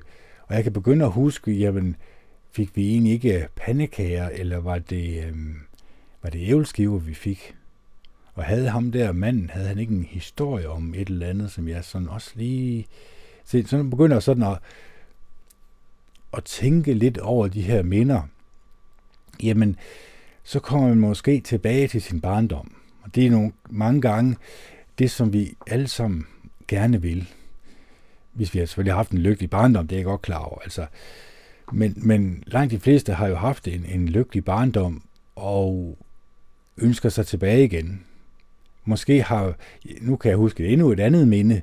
Jeg kan huske, da vi var på Bornholmer-turen, og den her, øh, jeg tror det var sild, vi skulle spise, eller den her røde sild, vi skulle spise, den, den duft af det her røde sild, øh, på det her røgeri, det kan jeg tydeligvis huske. Så bare den duft der, hvis jeg får den igen, hvis jeg, hvis jeg dufter en røget fisk eller en røget sild, så går der til kun, så er jeg tilbage igen, øh, og det er ved at være mange, mange år siden, øh, på, på, på Bornholmerturen, som jeg tror også alle, øh, eller de fleste skoleklasser har været igennem. Ja, og nu begynder jeg igen at kan huske. Vi var faktisk også på en togrejse, kan jeg huske. Hvad var det nu? For det var en gammel togrejse, altså en gammel tog, sådan en gammel, gammel bumletog, som vi kaldte det. Var det også til Bornholm, eller var det et andet sted? Det kan jeg ikke lige... Men jeg kan huske, at jeg var på sådan en tog også. Så når man først begynder på en eller anden måde at tænke tilbage på sine minder, jamen så kommer de her minder til en så begynder man at kan huske, hov, det er også rigtigt. Jeg kan også huske øh, den allerførste gang, jeg fik et løbehjul, og jeg skulle vise mig, som jeg var måske 6-7 år gammel, jeg var ikke særlig gammel, og jeg drønede alt, hvad jeg kunne på det her løbehjul, og så faldt jeg, og så kan jeg lige stille huske, øh, min lillefingernegl, den, den forsvandt desværre. Lidt en træls oplevelse, men jeg kan jo stadigvæk huske det. Det var selvfølgelig lidt en traumatisk oplevelse, det er jeg godt klar over, men neglen er der jo i dag jo. Øhm, og så lærer man jo også det her med, at man skal lade være med at vise sig. Det er der nok nogen, der er kommet rigtig meget til skade af op igennem historien, at man skulle vise sig. Det, det skulle vi jo nok også over for pigerne i, i, i klassen i folkeskolen. Det kan jeg også godt huske, at det skulle man selvfølgelig også. Og det kunne også godt nogle gange gå galt, og det kan jo gøre afs og sådan noget. Øh, så, så når man sådan begynder at tænke tilbage på ens minder, jamen så begynder man jo egentlig på en eller anden måde at blive mere lykkelig. Fordi det er de gode minder, man skal huske tilbage på. Nu ved jeg godt, det der med løbehjul, det var måske ikke lige så godt et minde. Øhm, men jeg kan også huske de før, den første knallert, jeg havde. Øh, også, ja, men jeg tror da også, de fleste kan huske tilbage på første gang, de blev fulde første gang de var til de her halvballer, eller de andre fester, som var rundt omkring, det var jo spændende, det var jo nyt, øh, og øh, jeg kan da lige så også tydeligt huske, at mange gange, nok desværre for mange gange, øh, der blev man nok også lidt for fuld. Man skulle drikke mod til, for at kunne øh, tør at spørge øh, pigerne, om de ville ud og danse, eller hvad det nu var. Øh, og det, det, det, øh, det endte jo galt, kan man sige, fordi så blev man for fuld, og så, ja, så var det hjem i seng, som man siger. Øh, så når man begynder at huske tilbage på de her minder, jamen så begynder man egentlig at, man drømmer sig tilbage til, jeg vil ikke sige en bedre tid, men man drømmer sig tilbage til en tid, hvor man følte sig lykkelig og glad, og følte, at man skulle ikke bekymre sig om så meget. Man havde nogle gode og rare venner, man havde nogle ting i ens liv, som havde betydning. Nu ved jeg godt, det har man selvfølgelig også i dag. Og det er også derfor, at minderne, langtidsminderne, eller de, de minder fra lang tid af, det er også godt at huske på. Men det er også godt at huske på, øh, på minder, som ikke ligger så langt herfra. Altså, jeg kan jo også godt huske, at jeg har haft nogle vidunderlige samtaler med en, som jeg lærte at kende ude ved genbrug. Øhm, jeg har faktisk to, øh, som jeg har lært at kende ude ved genbrug. Det passer faktisk ikke. Jeg har jo faktisk 3, 4, 5. Jeg har faktisk en, en, en 5-6 stykker, som jeg har lært at kende ude ved genbrug. Og de har jo beriget mit liv. Altså, jeg håber selvfølgelig også, at jeg har beriget deres liv, og, og jeg håber selvfølgelig også, at de har haft en god oplevelse af mig. Og, øh, og det minde vil jeg også tage med mig. Jeg har også være ude med to af de her personer øh, og spise en is, og vi fik også en vældig snak om, om livet generelt. Og den, det minde vil jeg også tage med mig. Selvfølgelig vil jeg da det. Det var da en god og rar oplevelse. Vi havde også en fantastisk sommer, kan man sige. Men, men hernede ved havnen, der var der også nogle sanseindtryk, som jeg også husker på, og som minder mig om det her minde. Så, øh, så, så minder, det kan godt være, det er noget, der er sket lang tid, men det kan også være noget, som har øh, sket ikke så lang tid.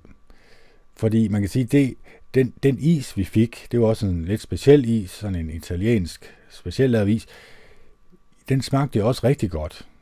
Men det vil jo også sige, at hvis jeg får akkurat den samme is igen, så er det klart, så kommer det minde jo tilbage til mig. Det, det er noget, der giver sig selv. Så det er også ret vigtigt, at vi samler på minder nu, eller for et år siden. Sådan at vi håber minderne, håber de, de gode minder op. Øhm, for vi kan jo ikke forudse fremtiden. Det er der ikke rigtig nogen af os, der kan. Men de gode minder, dem har vi jo lov til at have.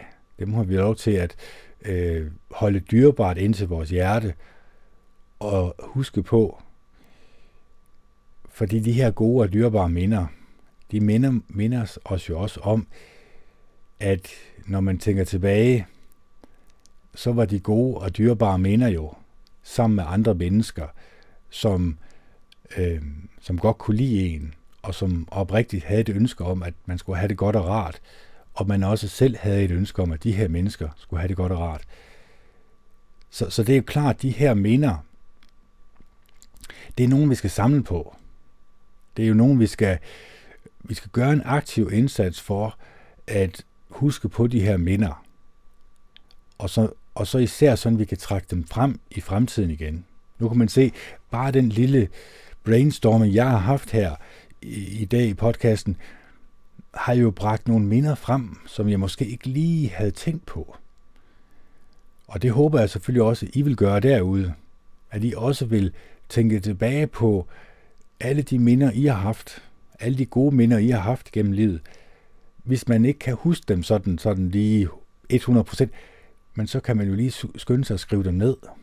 Lige skynde sig at skrive, at det, nu kan jeg huske det, og nu kan jeg huske det. Fordi så næste gang man prøver at lave sådan en brainstorming over ens minder, så kan man lige have de her stikord, og så tænke, åh, oh, det er egentlig også rigtigt. Der skete jo egentlig også det og det og det, som egentlig hjalp til den her oplevelse, som egentlig gjorde den her oplevelse mindeværdig, og, og, og en, jeg kan glæde mig over, når jeg tænker tilbage på den. Så øhm, jeg vil varmt anbefale, at man husker tilbage på, på, på minderne, fordi de er så utrolig vigtige. De hjælper jo på vores humør.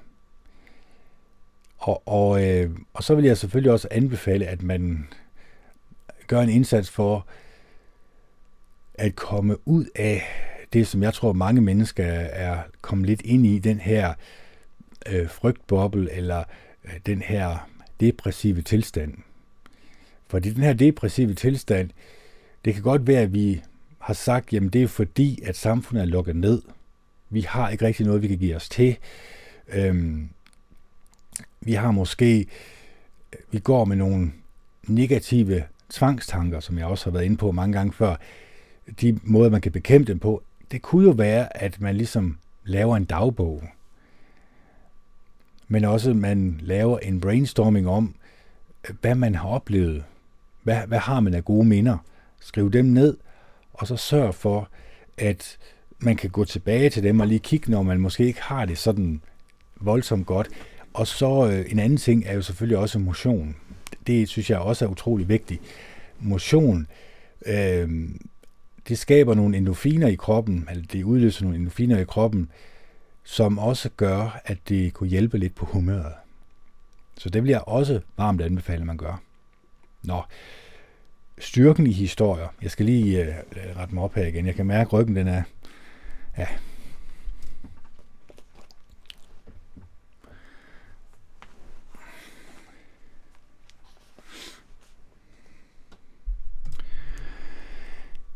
Styrken i historier.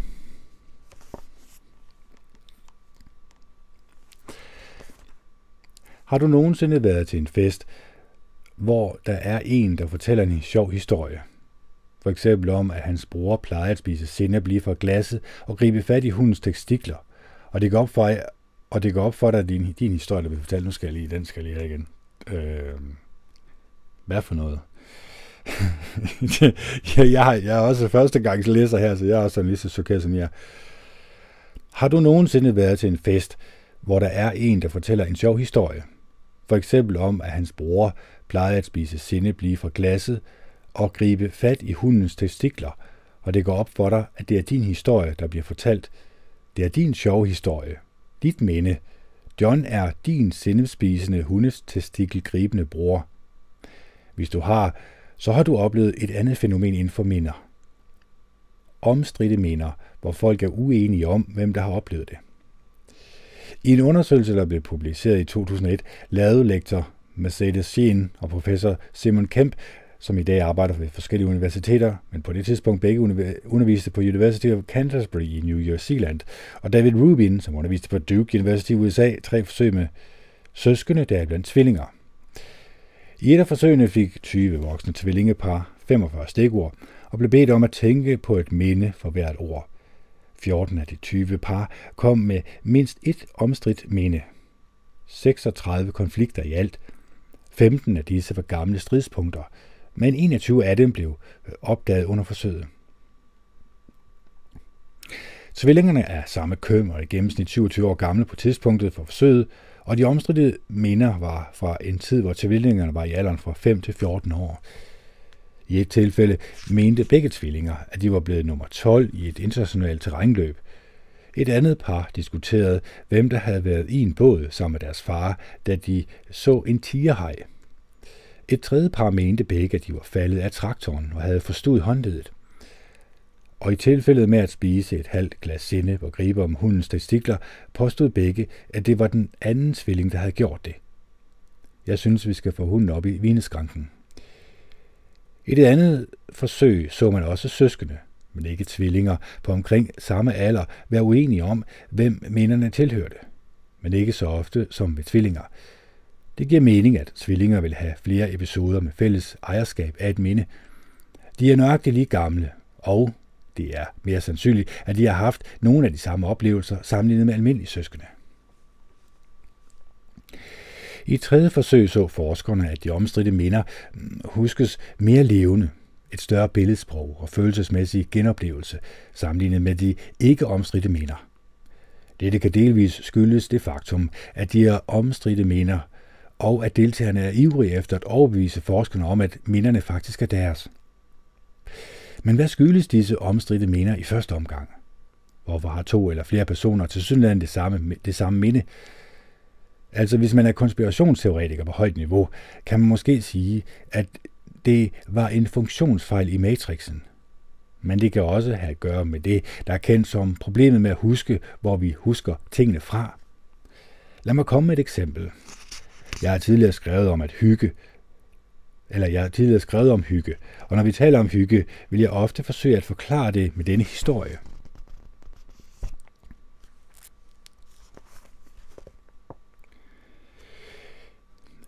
Et år i december lige før jul var jeg sammen med nogle venner på weekend i et gammelt sommerhus. Landskabet var dækket af sne, som lyste op på årets korteste dag. Da solen gik ned omkring klokken 4 om eftermiddagen, ville der gå cirka 17 timer, før vi så den igen, og vi gik indenfor for at tænde op. Vi var alle sammen trætte efter at have været på vandretur, og vi sad i en halvcirkel rundt om pejsen i sommerhuset. Folk halsover og havde store trøjer og uldsokker på – den eneste lyd, der kunne høres, var goderetten, der kogte, gløderne fra pejsen, og nogen, der tog en slurk af deres gløk. Så brød en af mine venner stillheden. Kunne det, kunne det være mere hyggeligt, spurgte han retorisk. Ja, sagde en af pigerne efter nogen tid, hvis der var en kraftig storm udenfor. Vi nikkede alle sammen. Sidste år delte jeg denne historie i St. Petersborg, og bagefter kom der en fra publikum og sagde, at hun kunne høre ilden knitre. Nogle gange formår vi at bringe historie til live. At gøre dem så levende, at vores tilhører oplever det med deres egne sanser. Vi bruger nogle af vores egne personlige oplevelser til at gøre dette. Når du hører hyggehistorien, ved du fra din egen personlige erfaring, hvordan knitterne ild lyder, hvordan røgen fra tørt træ lugter, og det, hvordan flammerne danser, røde og gule og blå. Du ved, hvordan ilden føles, når den varmer dig på forsiden og efterlader din ryg kold. Så du tager detaljerne fra andre oplevelser, fra andre kilder, og får dem til din historie. Historien er nu mere levende. Den har detaljer om dine personlige oplevelser, så du kan begynde at tro, at det er din historie. Dit minde. Du føler, at du har set det med dine egne øjne, men du har faktisk hørt det fra en anden, og søhesten i instruktørstolen blev lidt eller og søhesten i instruktørstolen blev lige kreativ. Det de bedste historiefortæller gør, er at bringe historierne til live. Historier, der er fortalt godt, bliver til oplevelser. Historier så levende, at du føler, at du ser dem med dine egne øjne. Det vi kan lære af dette er, at vi måske kan være i stand til at hjælpe vores kære med at genopbygge et minde, de har mistet, og genopbygge det på en sådan måde, at de ikke ved, at det er en kopi. Så kommer vi til Mandela-effekten. Så det her med, at man har et minde, øh, som måske ikke er ens eget minde, men en andens minde, måske har det været en god historiefortæller, og man har levet sig ind i historien. Man har kunne være til stede i historien i sådan en grad, at man, når man husker tilbage på den, så narer ens hjerne en til at tro, hov, det er måske en i mit minde. Det er måske en i mig, som har haft det her minde, for jeg har haft en tilsvarende historie. Jeg har også oplevet det her tilsvarende. Og når man så har haft den her følelsesmæssige forbindelse til, til det personens historie, så gør man det til ens egen. Og når man så genfortæller, jamen så er det lige pludselig en selv, man putter i historien. Og så er det måske ikke ens eget minde, men øh, en person, som man har fået fortalt den her, øh, det her minde, minde fra. Så det skal man jo også passe på med, at man måske har nogle minder, som ligger så langt tilbage, at det måske ikke er ens egne minder. At det måske er andre menneskers minder. Nu kommer vi til Mandela-effekten, men det er jo sådan lidt en... Ah, altså selve, selve den teori, den er lidt sådan, okay, det er sådan lidt med Matrix at gøre, lidt sølvpapirsat. Øhm, så, så det er også ret vigtigt, at når vi husker tilbage på de her minder, som jeg nu også gjorde med brainstorming, er jeg så sikker på, at det er mine egne minder. Fordi man kan huske forkert. Hvis man husker 20 og 30 år tilbage, øh, ja, så kan det jo godt tænkes, at de er forkerte. Nu har jeg endnu et minde, jeg kan huske. Det håber jeg, der er mit eget.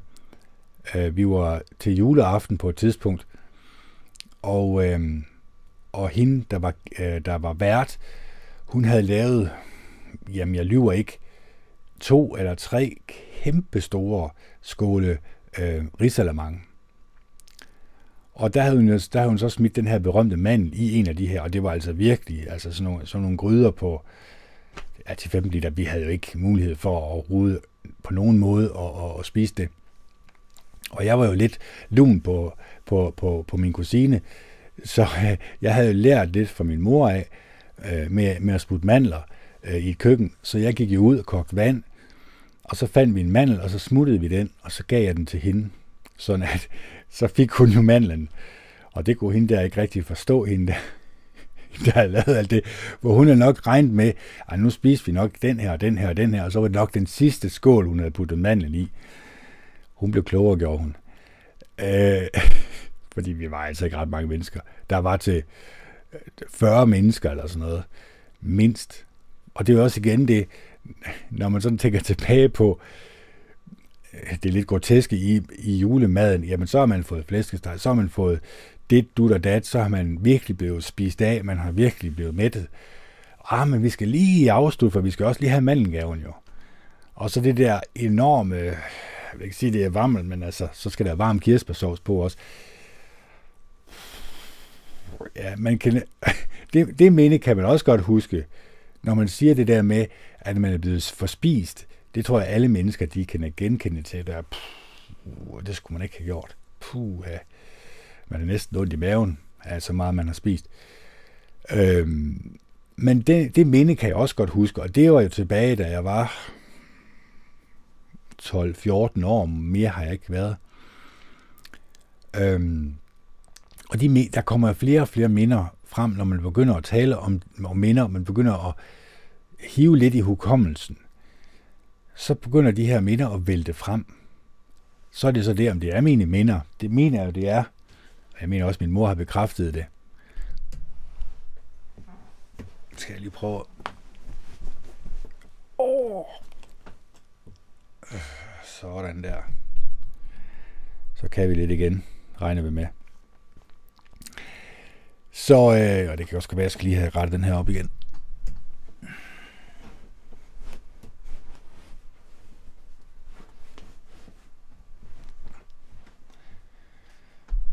Se efter, om, den, om det hjælper. Det vil tiden, det vil tiden vise. Øh, så de her minder, jamen, når vi begynder at lave den her brainstorming, nu kan jeg, jeg kan jo allerede næsten mærke stemningen, der var på det tidspunkt. Jeg kan huske tilbage på, øh, hvor lykkelig og glad jeg var over, at jeg lige havde smuttet den mandel, og så givet den til min kusine, fordi jeg synes, at hun skulle da have mandelgaven. Der er ingen grund til at sidde og spise øh, ja, risalemang for 100 personer. Det kunne ikke lade sig gøre jo.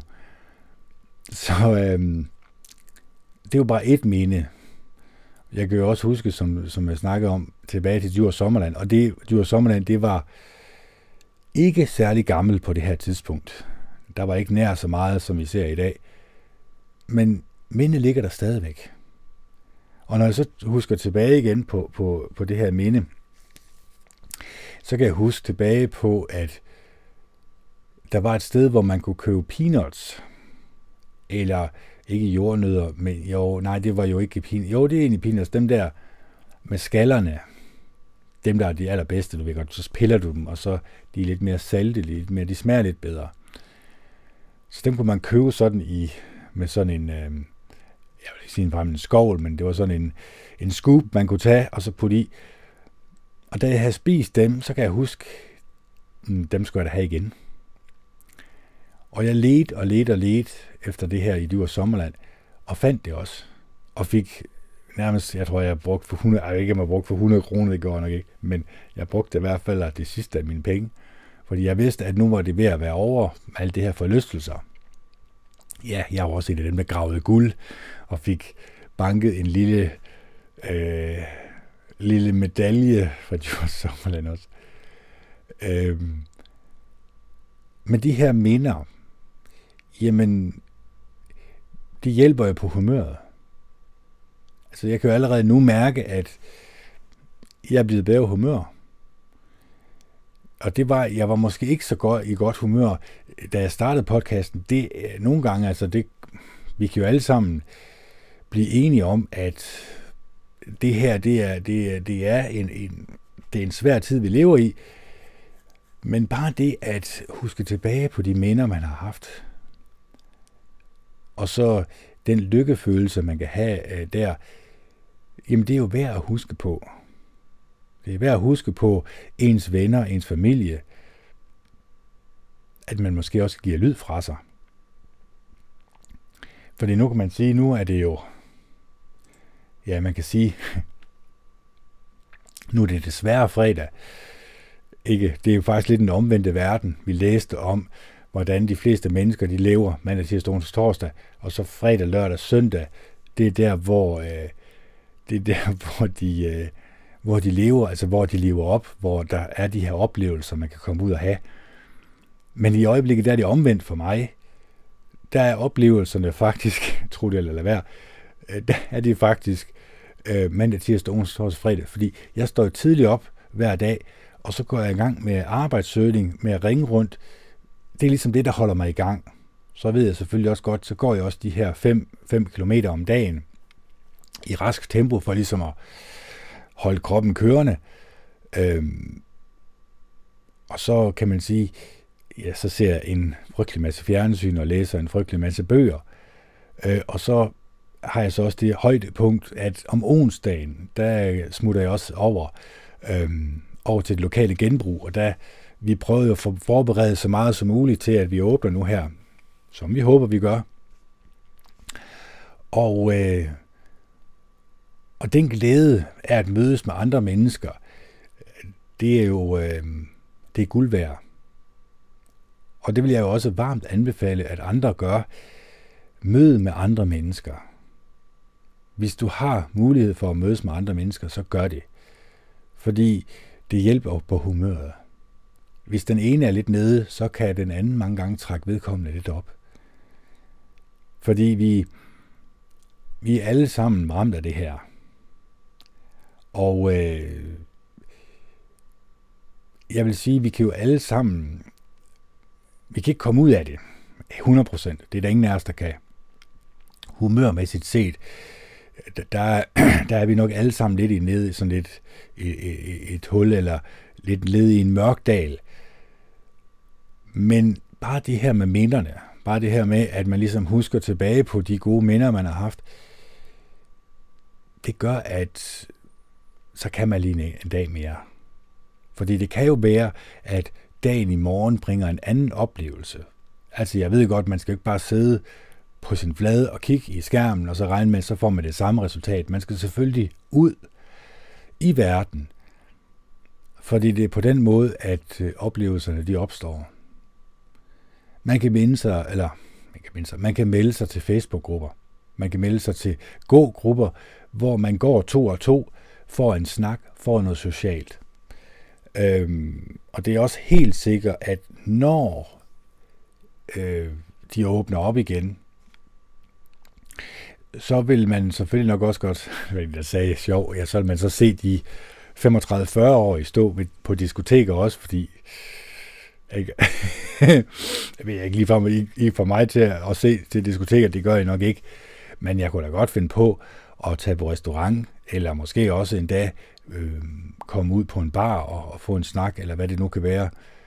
Men lad os nu se, nu skal det lige åbne op. Nu er det jo været lukket i over et år nu. Så øh, det kan også godt være, at der er lidt startsvanskeligheder. Startkapitalen, kan man sige, er nok ikke lige det allerbedste. Så det bliver lidt spændende at se. Det er også derfor, vi er lidt ængstlige alle sammen. Øh, vi er lidt på, på eller hvad vi kalder det. For vi ved jo ikke, hvad fremtiden bringer. Vi ved ikke, om lockdownen den fortsætter i det uendelige, eller om samfundet åbner op, sådan at vi kan få vores frihed tilbage igen. Det, det håber vi alle sammen, vi gør. Så øh, de her med, det her med minder, jeg vil varmt anbefale, at hvis du har mulighed for det, så gør en aktiv indsats for at skrive en dagbog, eller du kan også kalde det en hukommelsesbog. En hukommelsesbog, hvor du skriver ned, hvad kan du huske fra din barndom, fra din ungdom, hvad for nogle oplevelser har du haft, hvad for nogle oplevelser har du haft med andre mennesker. Og så kan du jo, hvis du har mod nok på det, så kan du jo, hvis du stadigvæk er venner med de her mennesker, høre om de også har den samme oplevelse af det her minde, som du har. Det kan godt være, at du så finder ud af, de har en helt anden oplevelse af det her minde. Det var da lidt sjovt. De har en anden synsvinkel, kan vi ikke sige det på den måde. Men det kunne jo også være, at det berigede samtalen. At man fik øje på ting i, i den historie, som man har, øh, som man husker på, som man ikke ellers ville kunne tænke, øh, som man ikke ellers ville kunne få øje på, når man hører et andet menneske fortælle eller genfortælle en historie, som man har haft fra, fra fortiden. Så jeg håber, nu ved jeg godt, det bliver nok ikke helt, jeg kan mærke, at min ryg, den er godt nok ved at, og jeg skal også have en eller anden bedre stol at sidde i, når jeg laver de her lange, de her lange podcast. Fordi øh, jeg kunne godt lave dem her længere, men problemet er, så skal jeg have et bord og en ordentlig stol med et ordentlig ryglæn. Det her pølseværk her, som det er, det her, det er jo simpelthen så blød, som jeg ved ikke hvad. Øh, det gør altså, at man kan godt få lidt ondt i, i ryggerne. Jeg skal også ud og have, have strukket ryggen nu, kan jeg mærke. Og jeg vil ikke stoppe videoen for at lave de sidste 10 minutter. Det, det, er der ikke, det giver ikke nogen mening. Så jeg håber, at den her podcast var gavnlig for jer. Øh, jeg håber, jeg ved ikke, om den skal hedde, det skal også hedde noget med minder, det ved jeg godt, men ja, den hedder, hvad den hedder. Øhm, jeg håber, at den her podcast var noget værd. Der var nogle ting, nogle tanker, som jeg havde, som kunne hjælpe jer derude. Jeg håber selvfølgelig i særdeleshed, at den hjælper på humøret derude. At I kommer i bedre humør af at lytte til mig. Ja, det ved jeg så ikke, om I gør, men jeg håber da, at der var nogle tanker, som jeg kunne sætte i gang i jer, hvor I også kunne blive i bedre humør, også kunne begynde at huske på jeres minder, øh, huske på de gode og positive minder, som I har haft, og så også få et smil på læben. Sådan blive i bedre humør. Det er jo egentlig det, jeg håber lidt på med min podcast, det er, at andre mennesker har en god og rar oplevelse af mig, at de bliver i bedre humør, når de taler med mig. Og når de lytter til mig også selvfølgelig. Så jeg håber, at øh, I viser kærlighed og venlighed og ydmyghed og mildhed til jer selv og til hinanden. Jeg håber, at I arbejder på jer selv, arbejder på, hvem I er som menneske. Det var vi også lidt inde på, hvordan man kan arbejde hen imod en mere buddhistisk tankegang øh, på livet. Det her med, at jeg mediterer over næstekærligheden. Det kan godt være, at jeg gør det, kendt, men lever du det også så? Når du så møder andre mennesker, er du så også næstekærlig? Eller er der lidt en afstand? Er der lidt stadigvæk lidt det der med, ah, det er ikke helt, vi har ikke helt den her forbindelse, som jeg gerne vil have. Det kan jeg også arbejde på. Så det er ikke for at sige, at jeg er jo ikke langt fra perfekt eller noget som helst. Jeg prøver at arbejde på mig selv. Jeg prøver at arbejde hen imod at blive et endnu bedre menneske. At tænke gode og positive tanker om mig selv og om de medmennesker, som jeg møder på min vej. Så håber jeg selvfølgelig, at jeg også møder kærlige og venlige mennesker, som også beriger mit liv, og at jeg selvfølgelig også beriger deres. Så med disse ord vil jeg ønske jer en fortsat god dag og god aften. Og det her det er Kent Andersen, der signer off. Det er den 19. i 2. 2021. Klokken er 23.43, og det er fredag. Hej hej.